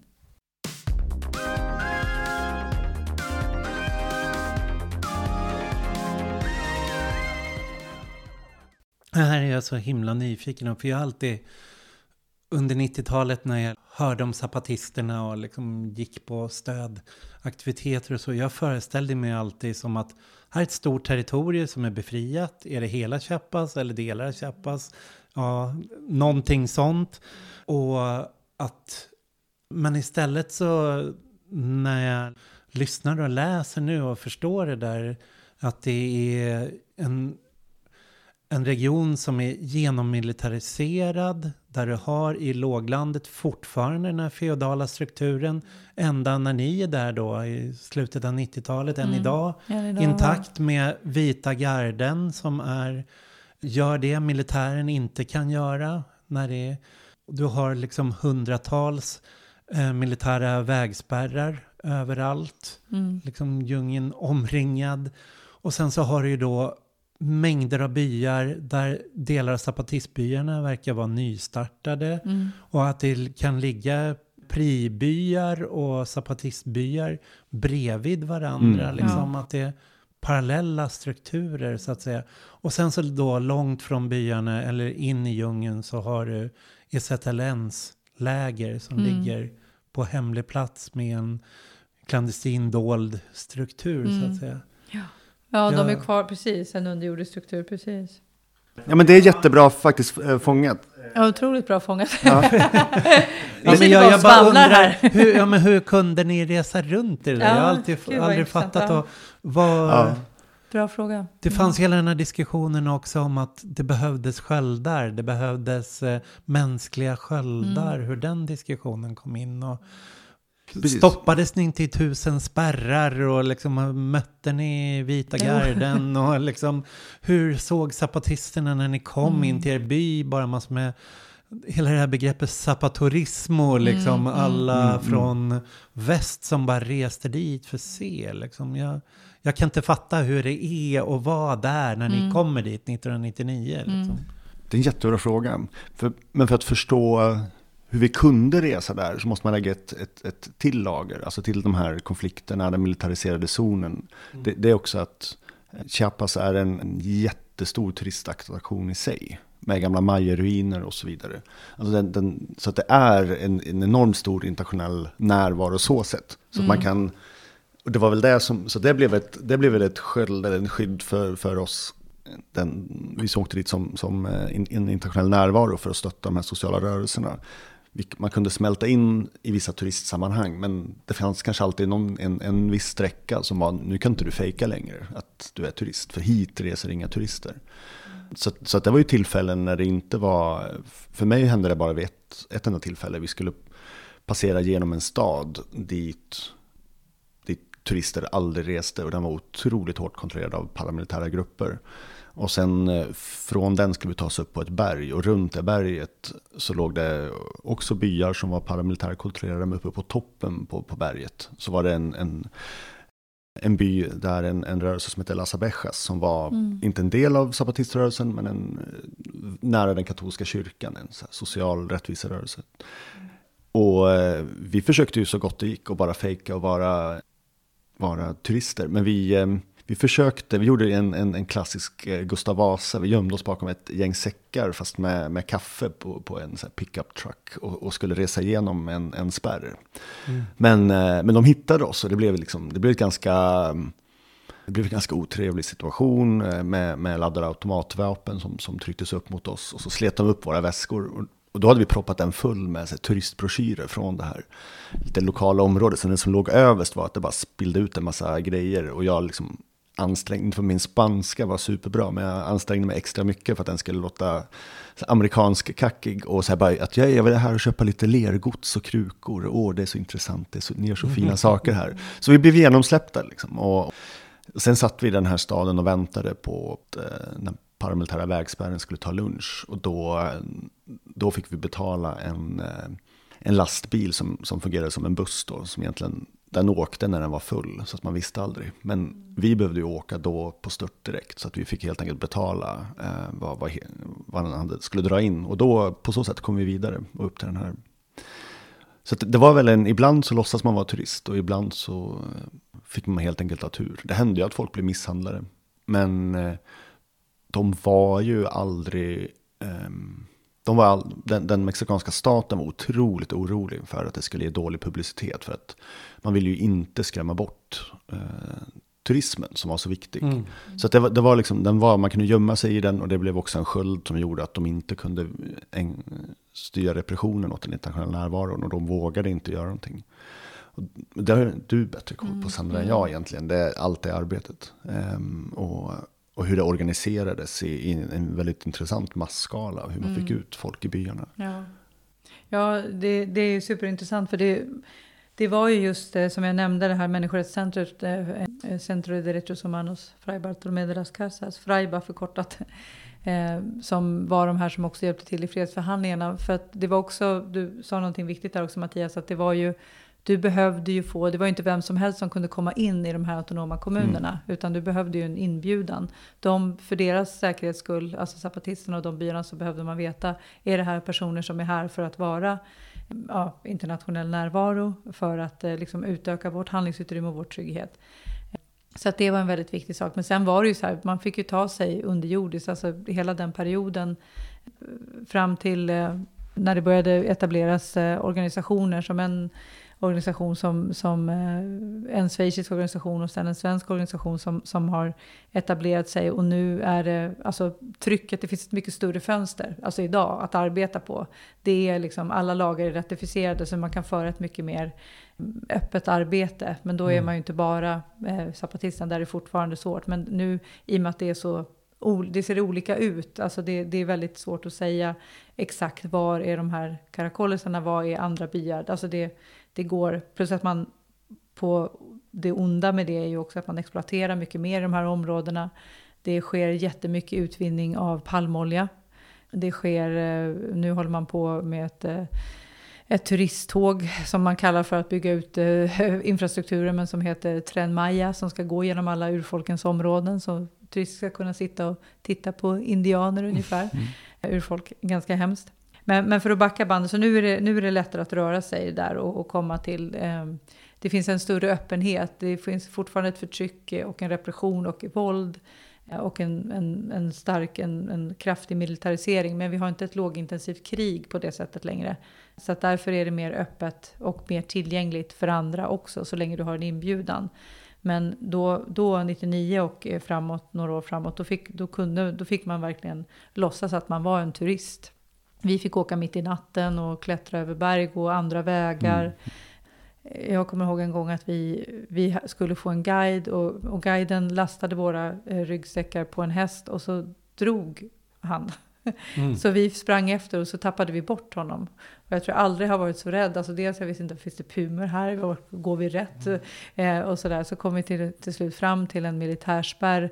Och vi var då tre stycken tjejer som liksom spelade dumma och använde oss av den så här, eh, icke-våldsteknik och så här, omvandling, alltså att man så här, ger omtolkning av situationen, man ger den här militären en annan roll och bara åh, ta vad bra, vi har nämligen tappat bort oss lite, vi ska till eh, ett, ett vattenfall här och eh, är det här eller? Och det är så vackert land, var kommer du ifrån, vad heter du? Mm. Alltså sådär, ja. mycket sånt, men det var ju det var ju riskabelt och framförallt för, för de guiderna. Alltså de, mm. de riskerade också någonting för den här internationella närvaron. Mm. Så att det var ju aldrig tal om mänskliga sköldar. För att jag tänkte på det, vad händer om det liksom dundrar in militärer här? Vad har vi att sätta emot? Det var ju mer att vi skulle, och där får man ju, att man använde sitt, sina privilegium till något nyttigt. Att det såg inte bra ut som Marcus sa. Att, liksom, att, eh, att eh, gå in i byar där det fanns andra ögon som skulle kunna rapportera. För det var ju ett som var superviktigt, vårt jobb, det var ju att dokumentera. Jag kommer ihåg att jag pluggade den, den främst, den mest, Celtal och Tzotzil är de språken som är mest, eh, och många män pratar spanska, men barnen och kvinnor gör ofta inte. Men att lära sig så pass mycket så man kunde ta upp vittnesmål. Vi bevittnade ju också saker där, där det slängdes ner eh, det åkte helikoptrar och, och släppte ut skadinsekter över majsfälten. Deras mm. milpass, det, det, åkte, jag menar de, det fanns stora genmanipulerade råttor som åt upp säd. Alltså, alltså sånt här som man tror att det är ett skämt när man hör det. Men, och alla de, de kränkningarna av mänskliga rättigheter dokumenterade vi och tog till det här liksom människorättscenter som drev juridiska processer. Så att det var inte så mycket det fanns ju vissa byar där det, var, där det blev, där militären trängde sig in. Och de släpade ju bara ut två vettskrämda fredsobservatörer medan kvinnorna i byn bildade en mur runt hela byn och bara puttade ut de här mm. soldaterna. Mm. Stackars fredsobservatörer låg där och bara “jag vill inte dö”. Så det, det, var ju inte som att oj vilket Nej. skydd vi är utan mm. mer den här tyvärr att eh, en närvaro av många, en vit, en vit närvaro gör det, gör det tryggare för att just det, det skapar större rubriker. Och, och, de, och man, man bryter isoleringen. Eftersom mm. många av de här eh, områdena låg väldigt eh, otillgängligt i, i, i Lacandona-djungeln. Eller... Hur såg samröret mellan, vad ska man säga, armén, EZLN och byarna ut? Märktes EZLM på något sätt eller var de bara en skugga som inte man såg aldrig? Men när man såg bara då i de här, alltså när man kunde, om man stannade till exempel på vissa ställen där de, där de, där de fanns så kunde, det var ju så här allas våta dröm att träffa subkommandante Marcos. jag träffade i alla fall kommandante Ramona, det var min våta dröm. Eh, så den uppfyll, uppfylldes, apropå att exotifiera, eh, förlåt mig. Eh, Men eh, de, eh, de kunde absolut eh, komma, alltså kommandansen, högsta liksom, militären, kunde, kunde absolut ibland komma ut i byarna eller till de här uppsamlingsplatserna som var baserna då och som nu heter Caracoles. Mm. Men, eh, men annars nej. Nej, inte, inte, verkligen inte i vardagen. Nej, nej. Och, och, det var ju också, um, ibland träffade man på någon, man, man, ibland var vi där ganska länge, liksom en månad mm. eller kanske mer. Och um, då lärde man ju känna folk och ibland förstod man, okej, okay, berättade folk efter ett tag, bara, nej men jag har varit i armén, eller mm. fast nu är jag tillbaka mm. i byn och så vidare. Så att det är ju, den fanns ju där, men men inte tydlig. Man hade liksom inte en flagga och folk gick inte omkring i uniformer i byarna på det sättet. Nej. Ehm, det var inte den sortens närvaro, utan men symboliskt fanns den alltid närvarande i armén så sett. Men man hade också egna, eh, liksom, eh, egna miliser och sånt, alltså lokalt, för, för, för, som är mer polisiär styrka också, för att, för att skydda sig.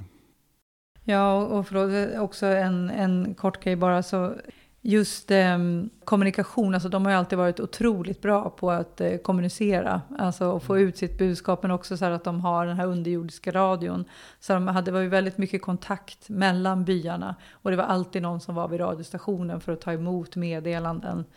Så att, eh, och de har ju alltid varit, alltså liksom långt innan kanske liksom aktivismen här blev digital så var ju verkligen det digital aktivism också. Mm. För det här var ju verkligen internets födelse. Ja. Jag vet Harry Cleaver skrev någonting om det där han tittade på just att det här var den första digitaliserade revolten där mm. alla kommunikéer gick ut på mejllistor och mm. koordinerades internationella ja. stödaktionsdagar och så. Precis.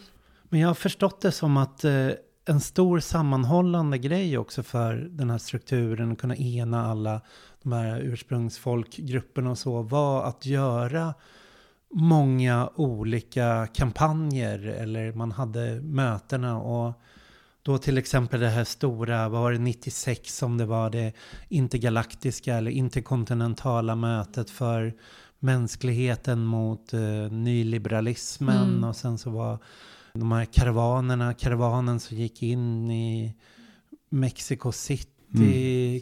Vilket år var det? Det var 2001. 2001. Mm.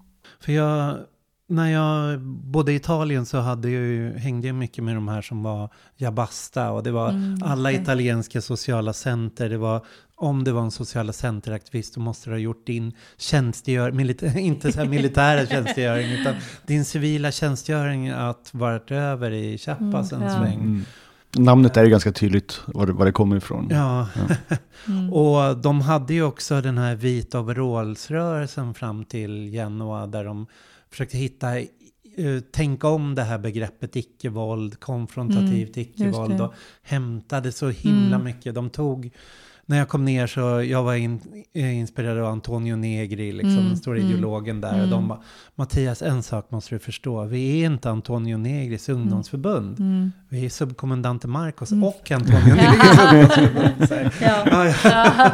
ja, ja okej, jag förstår. Men så var jag hemma hos en vän i, i Padua, så såg en bild på hans vägg och då står han i sin vita overall och bredvid står en man i pipa och röker. Och då är det ah. liksom subkommendante Marcos som, och då berättar han så här, ja men om den här karavanen, dels hur liksom de kommer upp, jag vet inte om de åkte dit tusen italienare eller något sånt, eller hur många de var, som åkte dit sina vita overaller för att följa den här karavanen. Mm. Och så insåg de då att det fanns ingen form av skyddsstruktur runt Nej. Marcos. Och Marcos skulle in till Mexico City. Och de tog på sig liksom att vandra runt det där. Hans, hans vagn så att säga. Men det var ändå det var intressant att höra. Jag har fler vänner liksom från Finland som var med i den karavanen mm. som har berättat hur organiseringen verkligen skedde på plats. Ja. Hur mycket spontant saker var. Men jag kan fortfarande inte förstå så här att Marcos måste varit en av Mexikos liksom mest jagade män på det sättet. Så här, hur det gick att bygga ett sånt stort politiskt tryck. Att han kunde få resa, att zapatisterna mm. kunde få resa in och tala mitt i Mexico City mm. för folkmassan. Så här, var... Men det var, alltså 2001 var ju ändå kanske till och med piken för globaliseringsrörelsen. Och Mm. det, det, det, är ju, det är få rörelser som zapatisterna som var så sammanflätade med, den, med framväxten av den också. Mm. Att, att det var um, mycket inspiration som hämtades därifrån. Frågan är om det hade gått kanske några år senare. Det är en, det är en bra fråga. Men jag tror där och då så, så var det så stort, så mycket internationell uppmärksamhet. Att, och- och Mexiko har ju alltid velat hålla uppe den här chimären av en, en, en demokratisk fasad. Och då, eh, jag tror det skulle kosta på för mycket internationellt. Det var för mycket med uppmärksamhet, var för, ja, kort och gott. Men, men det är väl en, det är en jätteintressant lärdom vad, och, och förstå under vilka sammanhang så kan sociala rörelser bygga upp det, den sortens tryck och den sortens skydd för en social rörelse. Men när ni var och reste runt i Chiapas och var ute i byarna, vad, vad var det för erfarenheter ni gjorde där? Plocka med er hem? Ja, men det är så otroligt mycket. Så, men, eh, nej, men eh, det är ju också det på något sätt att, att ehm, ja, men man var ju där väldigt länge, alltså i, i, i varje by. Och, eh, så att man lärde ju känna människor och barn framför allt. Eftersom det hela tiden utgick från vad, vad, vad som behövdes så var det ju någon gång var det så här, men vi behöver nu att du stannar här och tar hand om alla barn. Ha gärna lite skolgång med dem. så bara, ja, ja, jag håller skolgång för eh, lite olika barn. Eh, jag älskar ju barn och är så här fritidspedagog och fritidsledare. Men eh, det var ju också lite så här, så att jag, jag plockade stenar och tänkte så kan vi räkna, vi utbytte ord, så här, vad, vad heter det här, vi pekade på saker. Så sa jag det på spanska och de sa det på sitt språk då, som i det här fallet var ett celtal. Och då var det en, en flicka som var fem år som, som alltid, hon, eh, vi blev jättegoda vänner. Jag hade en så här romantisk dröm om att hon skulle vara en av dem som kom till Sverige. För det blev så här, tänk om Patti kommer. Eh, hur det var en by som hette Ibarra som låg väldigt, väldigt isolerat och var extremt fattigt och låg bredvid en sån här priby. Så att eh, de hade liksom inget det är ju väldigt viktigt när man är där, man ska inte ta med sig saker och liksom göra dem beroende av en. Eh, så. Men det var väldigt svårt att inte liksom ta med sig i alla fall lite Alvedon eller någonting. Eller, eller så här kritor och saker till skolan fick vi ta med. Så det blev ju som att jag blev som en slags ja, lärare där i, i skolan. Och då varje morgon, tidigt, tidigt på morgonen, så kommer en, en liten flicka springande så här. Ola Sandra, Ola Sandra, Ola Sandra, Ola Sandra, Ola Sandra, Ola Sandra. Hundra gånger innan hon nådde fram till mig. Ehm, och det, alltså, ja, men det, det är sån här sak som, ja men det, det, ni hör ju, det lever ju kvar i mig och jag har ju fortfarande, jag måste få träffa henne igen. Och, och också det här hur de eh, kunde skratta åt den, att det blev så roligt att så här, när man, man skulle tvätta sig i, i floden och liksom man hade på sig en underkjol och så skulle man göra sin hygien eh, utan att man skulle visa sig för mycket eller så här. eh, eller att jag var jättedålig på att tvätta och jag var jättedålig på, jag brände mina tortillas, jag var jättelångsam. de, ja, men just att, att de drev, att det fanns den här humorn, att de hela tiden drev med en, alltså det här, du är ju helt inuti liksom, du, du skulle inte kunna klara fem dagar men du har andra kvaliteter på något sätt. Och också att vi sjöng väldigt mycket. Eh, just den här zapatisthymnen var ett exempel, men, men eh, det var som en gång, var det, det, var ju, alltså det är ju som en slags moraliskt stöd också. Alltså de har ju full koll på, på det de vill göra och sådär eh, och de har den här närvaron. Men det var väldigt mycket det här moraliska stödet, att det fanns någon, det fanns, alltså att de sa det. Ja. Så att ja, Jag kommer tänka på just när du börjar prata om goda minnen, att, att det kanske också är lite lätt att fastna i historier om, om så här repression och, och, och hemska saker man, Mm. man var med om. För det, som jag nämnde förut till exempel, det var, det var inte alltid liksom, man studsade fram med, med, glatta steg. Det var, det var ganska tunga tillfällen. Men det var definitivt eh, många fler stunder som, som var just så här, inspirerande och, och ganska glädjande. Och, till exempel minns jag, vi var i, i Roberto Barrios som eh, senare, som var autonom kommun och en av de här huvudorterna som, som 2003 blev en av Caracoles, Mm, om jag inte minns fel. Och, eh, men där hade det inte blivit en snäcka eh, ännu.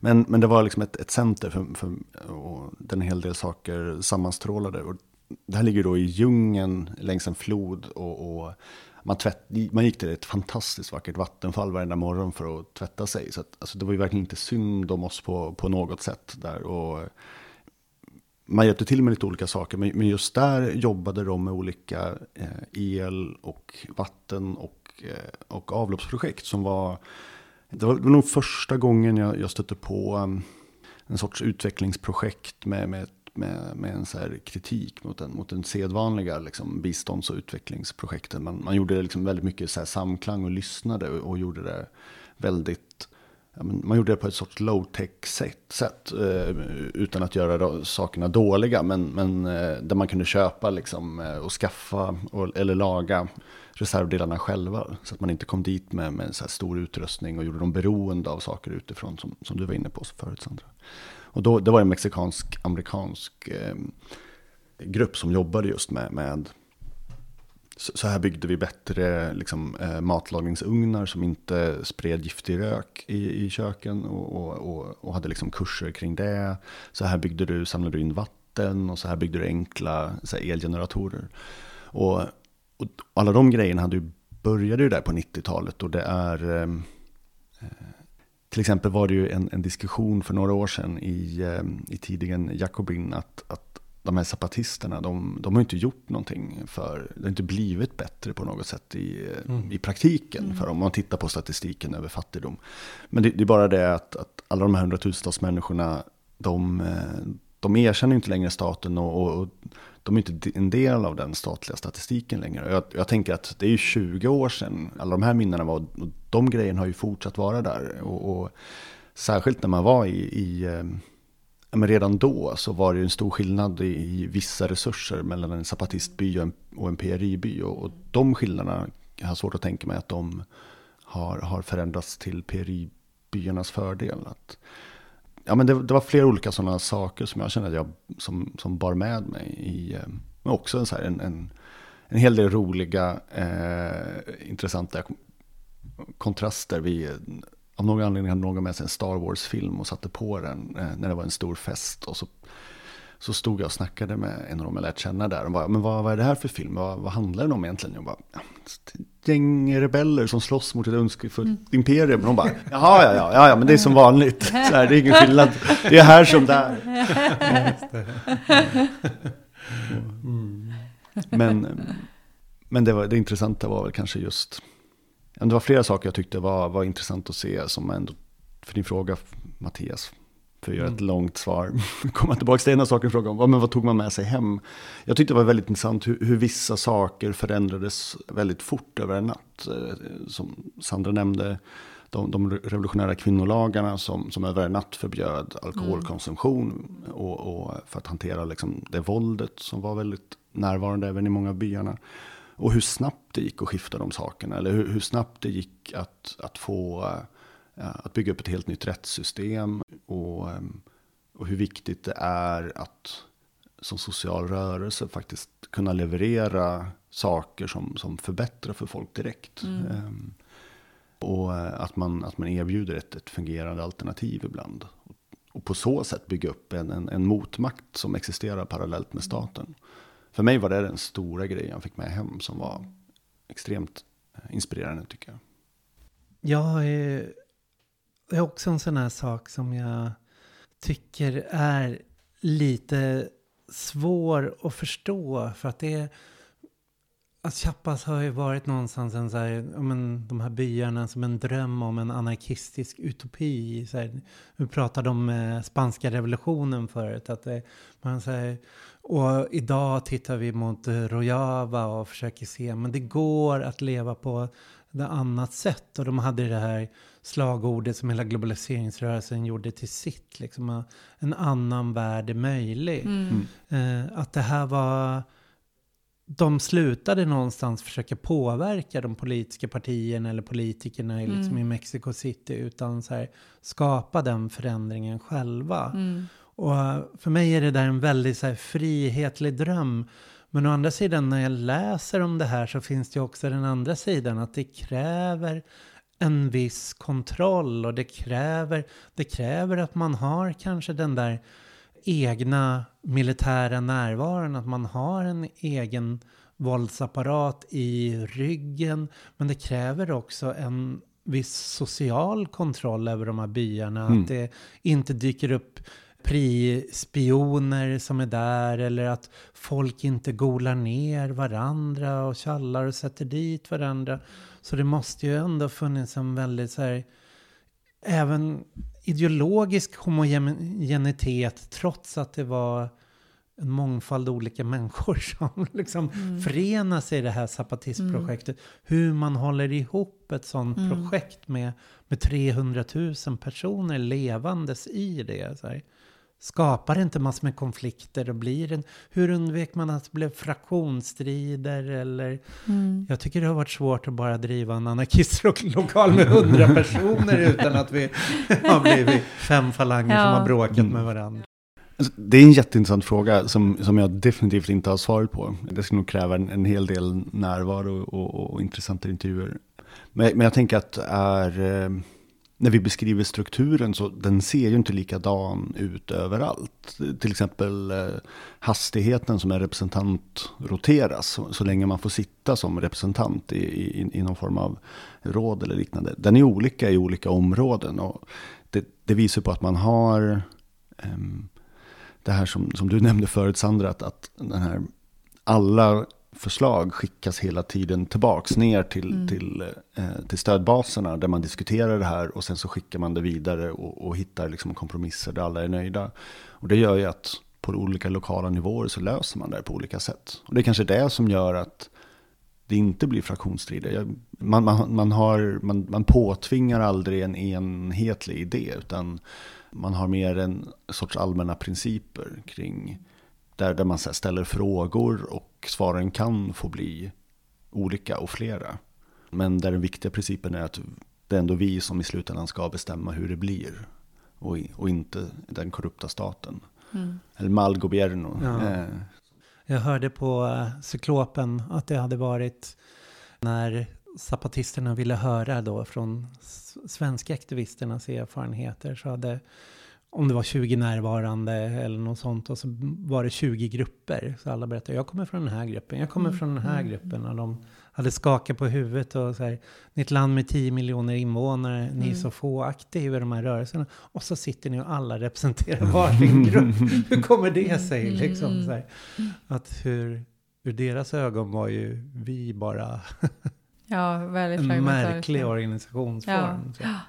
Ja, och, men precis. Och på den frågan så här, eh, men jag tänker så här, de, de kallas ju inte själva anarkister, utan det är återigen det här som jag tyckte var så fascinerande med preguntando voi, alltså frågande jag. Och det är ju verkligen att du också rådfrågar. De har ju de här principerna, så här att du ska, eh, du ska aldrig, du ska inte bestämma, du ska konsultera och bland annat, alltså, jag kan rabbla upp dem om, om vi vill det. Men, men eh, men, eh, och där är det ju verkligen att de är beredda på att det här kommer att ta tid. Det här tar väldigt mycket tid och eh, de har hela tiden forum. Nu håller de på att bygga upp en lite annorlunda struktur där det liksom finns olika lager av bestämmande. Men att där alla konsulteras så att man hela tiden byts ut också så att det inte är några som fastnar i någon slags maktposition.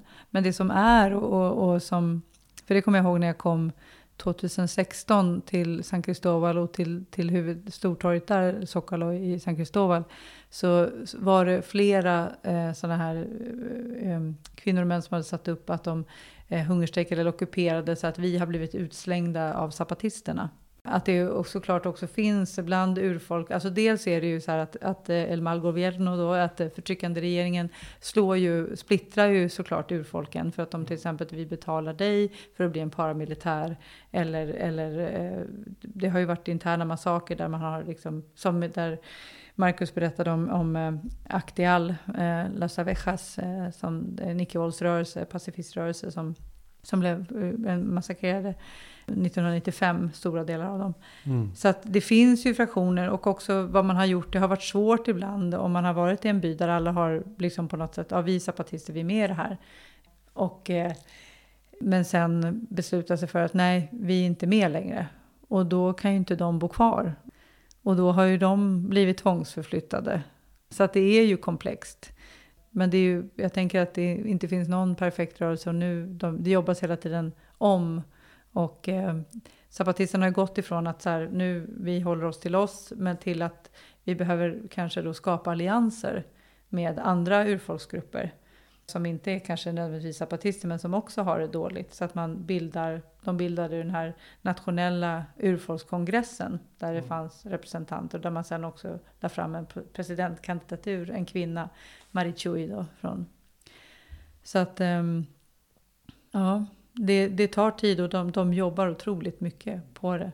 Eh, och också det här med om, om folk vill bryta sig ut som bor inom samma områden och så. Och de har också börjat återigen till den här studentrevolten att nu håller man på återigen och sträcker ut sina, sin, att man samarbetar med hbtqi-rörelsen, att man samarbetar med studentrörelsen.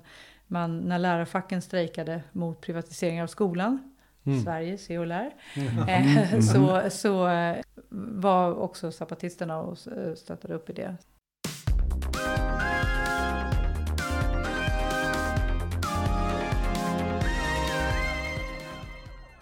Jag tänkte på det du sa om eh, vandrarfrågandes och mm. de här konsultas som mm. de har ordnat. Vi, det spreds ju till Europa och ja. mycket av globaliseringsrörelsen mm, ja. plockade över alla de här grejerna. Även oh, ja. om vi till olika grad lyckades tillämpa det. Men jag tänker, revolten bröt ut första januari 94 fienden som de sa var frihandeln och nyliberalismen. Mm. Och någonstans där fick jag lära mig vad nyliberalism var. Och det verkar ju också ha varit betydelsefullt dels i hela världen men framförallt i Latinamerika och Sydamerika och inspirera sociala rörelseprotester där. Mm.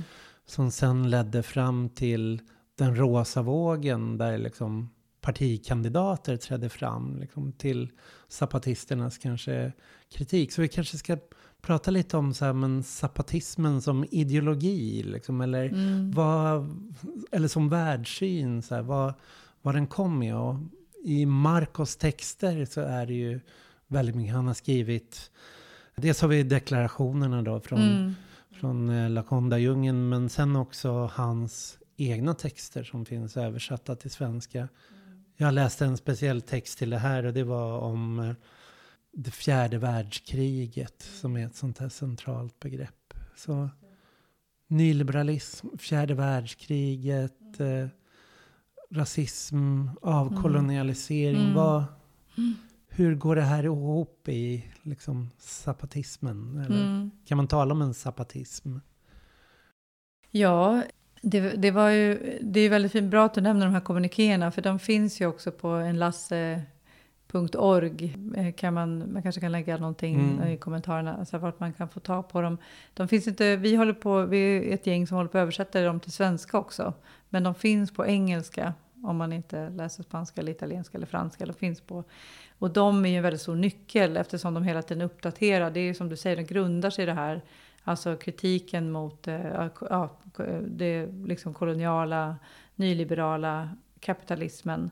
Och nu också väldigt mycket, de pratar ju om också extraktivt våld, alltså inte bara kulturellt och direkt och strukturellt utan också så här våldet mot naturen. Det var väldigt mycket det budskap de kom med nu. Så att det är väl det här att också en värld med plats för många världar var ju också sånt där uttryck som jag bar med mig och som jag fortfarande bär med mig och älskar. Just det här att hur kan vi liksom leva där det finns, där vi kan vara eh, diversa men ändå där, där, där vi också har ett lika värde. Det är ju så här också ett centralt begrepp och då handlar det väldigt mycket om att eh, synliggöra en, en historia av förtryck av urfolk och eh, rasism och eh, men nu också väldigt mycket fokus på klimatet och miljöfrågorna. Att det är att just det här hur vi, som går hand i hand med kapitalismen, så, att, så att det finns i, i de texterna som, som, som också skrivs tillsammans och där man också i konsultas har tagit fram vad det är man går och nu ser vi det här och nu till exempel det, det mördas sju kvinnor om dagen i Mexiko, mm. eh, sju, mellan sju och nio och 99 procent strafffrihet. Det är också någonting liksom som man pratar väldigt, väldigt mycket om inom zapatismen och som man också sa när man kom till Europa vill man träffa rörelser som jobbade mot mäns våld mot kvinnor. Där hade ju de, vi, vi pratade om olika möten de hade, men de hade ju ett stort möte runt 8 mars 2018 där, mm. där tusentals kvinnor från hela världen ja. kom och träffade tusentals eh, zapatistkvinnor. Och, ehm, så den frågan är ju, är ju i all säkerhet väldigt levande lokalt där också. Men, men jag tänker också de här, ehm, du är kanske bättre på att översätta principerna tänker jag på till Ja, svenska också. fram dem Ja. också. Ja, jag satt och funderade på hur, ja. men, men att, att där den ena är just att, ja, men att, Vad roligt, jag tog precis också fram dem.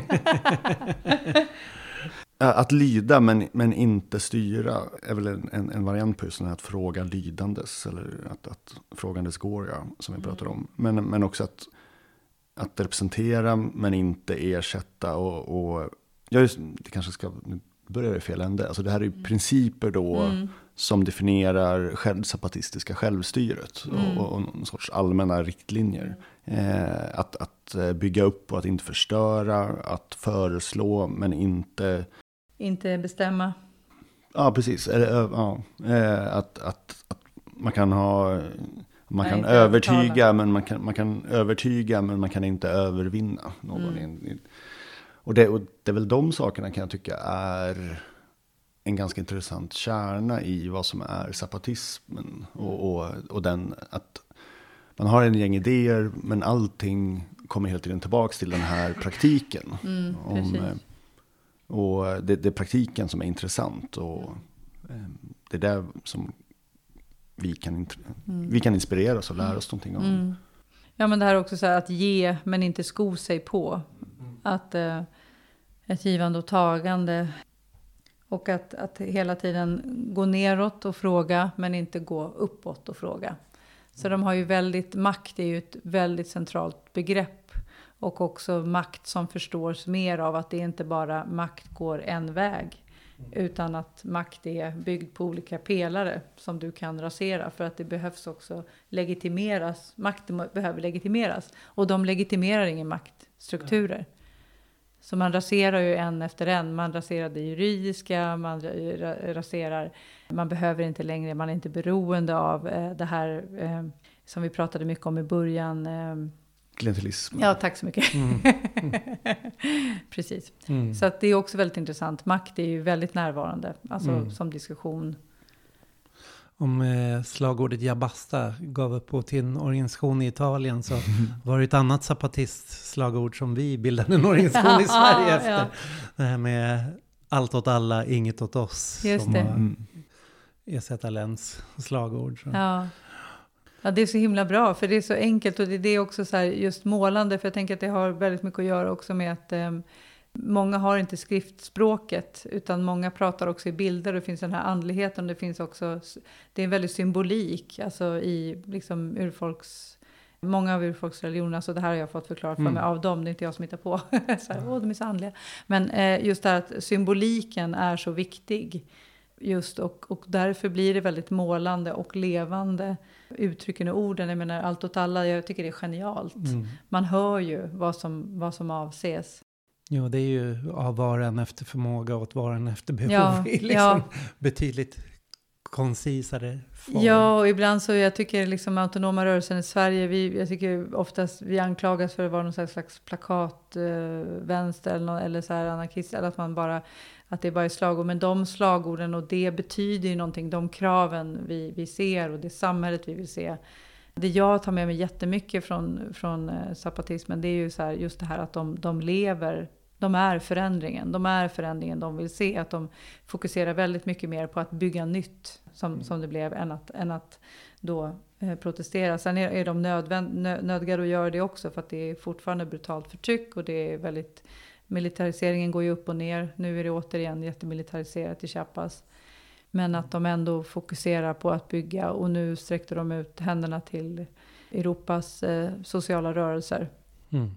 Jag tänker som begrepp som intersektionalitet som här är Mm. så förknippat med akademin och att vara bara någon teoretiskt analysverktyg. Men när man läser om zapatisterna så är det mycket mer ett så här levande hur, hur det kommer sig att begrepp som att de kämpar antirasistiskt, eh, antipatriarkalt, Mm. mot nyliberalismen, Mm. för miljön, mot eh, inhägnader Mm. och Mm. exploatering. Hur, naturligt det fogas samman i Ja. deras projekt. Det är ingen, det är ingen akademisk teori längre, utan det, det är den verklighet som Mm. historiskt är påtvingad. Och ska man bli en eh, samlande föränderlig kraft där så måste man adressera de sakerna samtidigt. Mm. Här, det, det går inte att ställa mot varandra som det alltid görs i den torra svenska debatten. Så här, men varför pratar ni om feminism? Varför vill ni inte prata om klass? Liksom? Mm. Att det, Mm, det är mm. som att varje, varje fråga skulle exkludera en annan fråga Ja. snarare än där varje fråga berikar och skapar en större bredd och gör det möjligt till en större mångfald. Liksom att en, en radikalare samhällsrörelse. Ja, verkligen. Det är, det är ju också en, eh, jag tänker att det knyts ihop med det, det vi pratade om förut och de här vägledande principerna. Att, mm, vad det skapar för sorts klimat i en sån rörelse. Att, att man behöver inte alltid nå en, en ehm, det, det, det är ingen idé som påtvingas uppifrån, utan det här är så här diskussioner som har fått ta tid och, och genomdrivits. Och eh, kanske inte alltid i, i någon sorts eh, hundraprocentig konsensus. Som du nämnde Sandra, ibland så, så eh, säger folk, nej men nu vill inte vi längre vara en del av den här rörelsen och, och, och lämna den. Och, även om det oftast har handlat om, om eh, materiella frågor, att folk i en by, så, som jag var ju berättade om, om just hur eh, ena halvan eh, kunde till slut inte säga nej till, till de stora liksom, materiella erbjudanden som, som, som gavs till dem. Men, men att, att, att man fortsätter ha den här ansatsen att, att vara inkluderande och inte liksom så påtvingad. påtvinga. Jag tänker att det är en eh, otroligt viktig grej att ta lärdom om.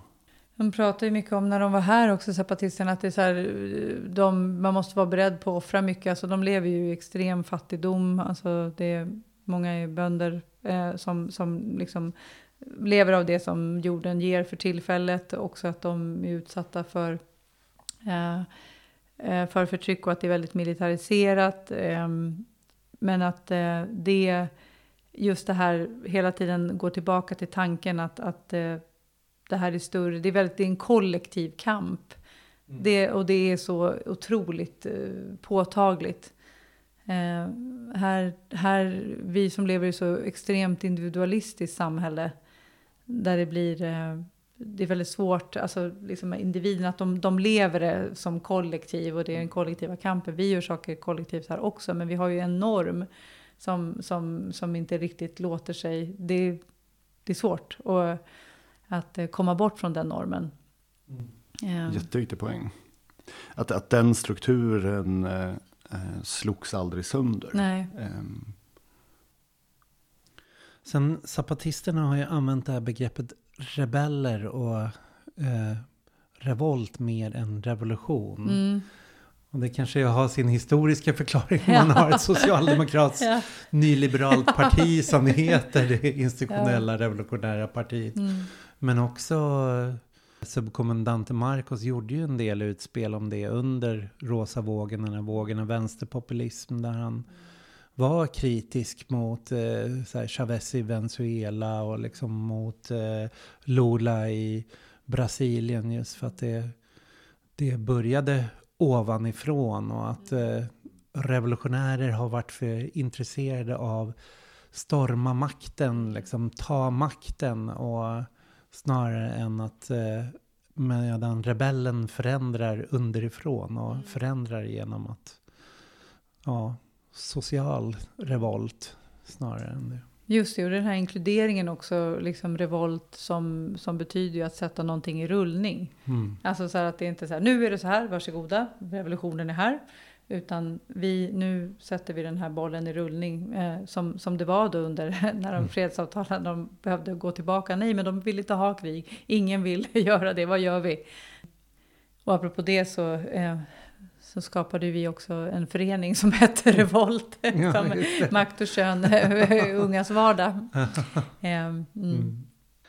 2005 till 2006 så bedrevs som en alternativ valkampanj eller vad ska man säga, en antivalkampanj eller snovalkampanjen av zapatisterna som hette La Otra Campaña. Mm, eh, den andra kampanjen eller det andras, eller vad man ska säga. Ja, en annan kampanj. En annan kampanj.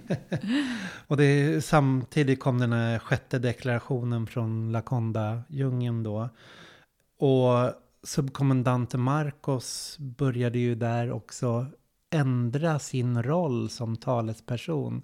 Han kallade sig delegado zero, liksom mm. del, delegat noll liksom, för den här valkampanjen. Efter det så blev det ju internationellt väldigt tyst från zapatisterna. Jag fick en känsla av att de slöt sig inom sig själv i Chiapas och Mexiko och jobbade lokalt, slutade med de här större kampanjerna och internationella kontakterna. Och det enda jag minns jag hörde var liksom i maj 2014 när subkommendante Marcos gick ut med att nu går jag i pension. Varefter han på en gång dök upp igen som eh, subkommendante Galliano och liksom mm. fortsatte. Mm. Vi har sett nu under båtturen hit att det fortfarande kommer kommunikéer då från subkommendante Galliano som beskriver mm. de personerna som går ut på båten. Så Marcos verkar ju fortfarande spela en viss central roll. Jag kunde inte låta bli att bara slå upp så här på Wikipedia den man som Mexiko pekat ut vem det är och liksom ja. så här, han är född 57, ja, då, hur gammal är han nu? Han, bara, han är lika gammal som Tåström, de är födda samma år. Liksom, så här. Ja. Eh, punken kan ta många former. Ja, just det, jag har aldrig sett dem i samma rum. Nej, så det, precis, det kan vara. Beväpna med vingar. Ja. Två bra, två tunga poeter. Ja, ja just det. Men men Marcos, vilken roll någonstans han har spelat där. Hur central, är han bara en talesperson eller hur central är Marcos i hela Zapatistprojektet? Det är en väldigt bra fråga. Alltså in, in, internt har inte jag en aning om det. Men, men rent symboliskt så blev han ju väldigt viktig. Alltså tänkte, det har vi pratat om mycket för, för um, vilken roll zapatisten spelar, spelar för globaliseringsrörelsen och i, i rent internationellt. Att, att det fanns en person att haka upp det på. Men, men även, ehm, men även i, jag som då heter Marcus, på, blir ju på spanska Marcos. Och, och, eh, Precis, och, och, när man presenterar sig och säger soy Marcos så, så det, det fanns ju ingenstans som det inte följdes av skämt. Av att, ja, vad kul att få träffa dig egentligen. och, det finns. Alltså. Det finns på riktigt. Och det, alla Marcus. Exakt. exakt. Vi, vi, är, vi är alla Marcos i, i alla möjliga situationer. Och, och så sett så, så tänker jag att det är... Um, det är, inte, det är inte så att han påverkade besluten och styrde besluten utan, ute i byarna. Men han bidrog ju till att lyfta de här perspektiven. Och det tyckte jag var en jätteintressant lärdom, att, att man tänker att det här, apropå att jag sa att det var precis nu, det var två tunga poeter. Men eh, Marcus har ju själv varit väldigt tydlig med att det här är saker han har lärt sig. Och man tänker att ah, ja, nu försöker du vara liksom en, en, en, en duktig eh, kolonisatör här. Men, men det är extremt sant. Alltså, språket eh, som talas är väldigt så bildligt och poetiskt. Och och, och, han speglar egentligen bara det så sätt. Så det, det, är lätt att vi kanske läser in lite för mycket i hans texter och att, och att han har den rollen. Eh, jag uppfattar det inte som att det var att det sen styrde eller påverkade besluten ute i byarna. Men å andra sidan det är extremt svårt att läsa in. Men att, att han var en vikt, han var liksom ett, ett sorts kollektivt minne eller, och, och lyfte fram gamla myter och, och, och drömmar som, som de tillsammans hade. Och rent kommunikativt så blev han extremt viktig. Och... och han har ju titeln sob subkommandante Marcos. Han är mm. ju alltså en grad lägre. Alltså en kommandante Moises eller kommandante Ramon eller Susanna som, som för att också den här medföljartanken, alltså att det, det, ska finnas någon som, som, som går bredvid, alltså går, går med och uh, för ut ordet. Men uh, så att jag tror att det spelar stor roll också, också som något slags skydd att man använder sig av kolonialismens strukturer för att skapa ett skydd för, för sig själv. Sen så har jag faktiskt inte heller någon aning om hur det ser ut rent. Det är klart att det, det blir... Det, det, det, jag kan tänka mig att det blir informella maktstrukturer, absolut. Men det, jag vågar absolut inte uttala mig om något sånt. Men får jag gå tillbaka också bara kort ja. till det här med eh, att de slöt sig inom sig själva. Mm. Det var ju lite också eh, vårt fel, vi som blev så eh, förälskade i zapatismen och det, det reste ju enormt mycket eh, det var ju alltid på deras villkor i början. Att de bjöd ju in till, de hade ju olika kulturella festivaler, eh, zapatistfestivaler där man, där, där man eh, utbö, eh, utbytte idéer eh, och tankar, sociala workshop. Också att de, de, ville, de behövde eh, sjuksköterskor, de behövde lärare som kunde liksom komma och eh, vara med dem och starta upp de här skolorna. Eh, det behövdes böcker och så, så det har ju hela tiden funnits ett givande och tagande. Men, men till slut så blev det så här att på de här mötena så kom det så otroligt många som med de här revolutionära romantiska drömmarna som, som började ta över, började ta för mycket plats. Så att det, de kände till slut att det här, nu är det inte vi längre, det är inte vår fråga. Och hur ska vi, hur går vi härifrån? För det var också samtidigt som, som eh, det var mycket interna strider i liksom norra Chiapas, eh, i, i de områdena så, så började liksom borgmästare beväpna olika grupper. Det, det var så här mycket valfusk, det var ja, nästan som väldigt fattigt och folk som var bortkörda från sina, från sina hem, tvångsförflyttade. Så att då det var det som att eh, man behövde eh, fokusera, som du säger, inåt för att, att se över. Det var också då kommandante Ramona dog. Det var, det var ganska splittrat. Man började prata om man skulle liksom skapa en kongress, nationell kongress och hur man skulle kunna också få ut i byarna att, att folk ska få kunna tänka politiskt. För det finns ju ingen liksom, i den här som har kunnat fått formulera en politisk tanke. Vad vill jag se istället eh, i övriga delar eh, av Mexiko? Så att det var väl en, att man gick mm. tillbaka för att internt eh, omgruppera, omvärdera vissa saker och lite som de säger, nu, nu får européerna ge oss lite utrymme här. Och nu kom de till oss istället. Ja. Då. Och koloniserar eller avkoloniserar oss. Ja. Tillbaka men eh, om vi ska avsluta lite där nu med att de har varit här och om vi tar det budskapet de kom hit med. Vad är det, vad är det vi kan göra nu för att föra vidare zapatismen i Europa, i Sverige, i, i våra kamper här? Vad är ja, stafettpinnen liksom? Ja, jag hoppas att det blir ett event, för det finns ju mycket, finns väldigt mycket som har sagts under de här eh, mötena med olika sociala rörelser.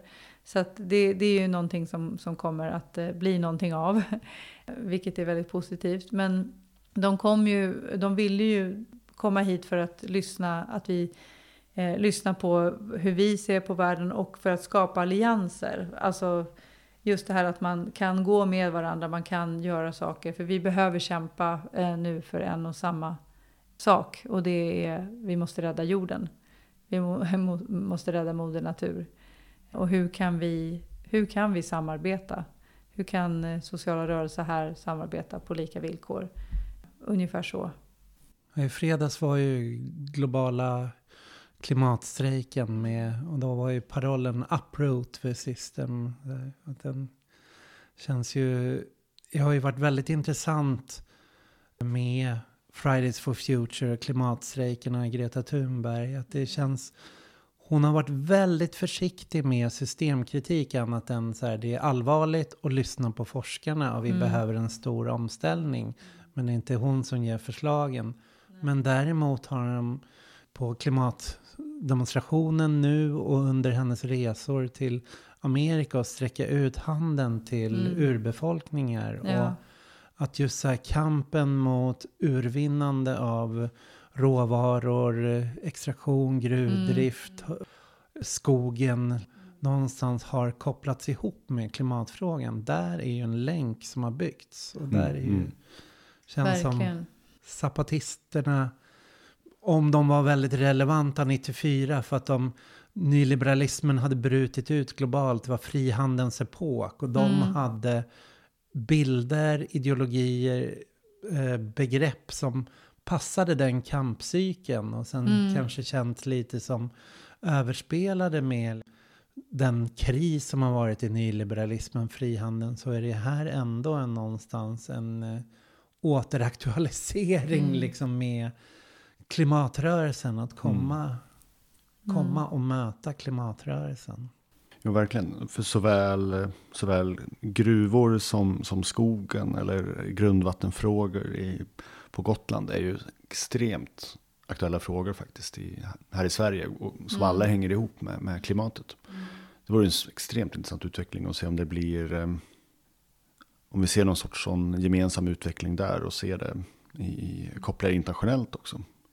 Det vore, ehm, men det är också, jag, jag, jag tänker att, att det är, ehm, det kanske är den arvtagaren fast, fast de här rörelserna inte egentligen känner till zapatisterna kanske så mycket. Alltså jag tänker Fridays for Future och så vidare. Den här nya generationen av, av aktivister men, men som ändå i praktiken kanske är de nya internationella arvtagarna till. Under fredagens demonstration, talarna var ju från eh, Sápmi, en samisk ungdomsorganisation som pratade. Det var den här kampanjen kring eh, stoppa skogsskövlingen. Och eh, sen, eh, minns jag inte vilket, men från ett, en afrikansk miljörörelse som också var där och pratade. Så att det var ju ändå en sån ihopknutning som skedde. Ja, jag, jag, jag tror också på det och jag tänker just det här med avkolonialisering som vi redan har varit inne på. Hur kan vi, ja, men hur kan vi avkolonialisera oss så att vi någonstans, vi behöver varandra, eh, vi behöver det mellanmänskliga och, eh, och då kan man också jobba i nätverk istället. Alltså det finns också det här tanken kring att bygga olika organisationsformer och nya organisationsformer och hitta det.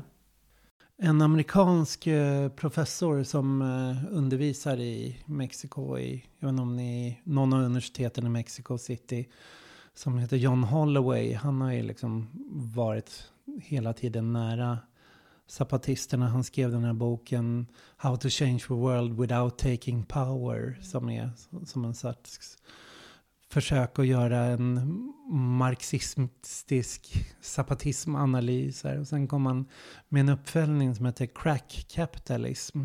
Där liksom eh, spräckkapitalismen men också prata om sprickor i kapitalismen. Och det är ju någonstans den föreställningen han förde ut. Att vi kanske inte kommer se en global revolution eller en total systemomställning eller ens kunna tänka sig de tankarna. Utan det är bara vilka sprickor, som, vilka små undandraganden Mm. som finns överallt. Som oavsett om de är bara temporära eller om de blir mer permanenta. Och hur, hur man kan förbinda dem med varandra. För att kapitalismen är inte någonting som infördes på 1800-talet och sen Mm. utan det är någonting som dagligen påförs. Mm, Att mm. de Mm. här, det måste hela tiden reproduceras, den här kapitalrelationen. Och vilka, vilka sprickor går att föra in Mm. i det. Så Mm. det Eller Den- vilka maktpelare kan man riva ner? Alltså Ja. att vi, vad kan vi sluta legitimera? för det är där jag ser fortfarande att Chiapas och Rojava och ockuperade hus och alla sådana är små sprickor som man tänker och kan utöka in till vår vad vi har för sprickor som vi kan utvidga och förbinda med varandra. Verkligen. Är det några avslutande ni tänker på kring zapatism inför vår tid? Det var jättespännande att höra era resor och era erfarenheter på plats.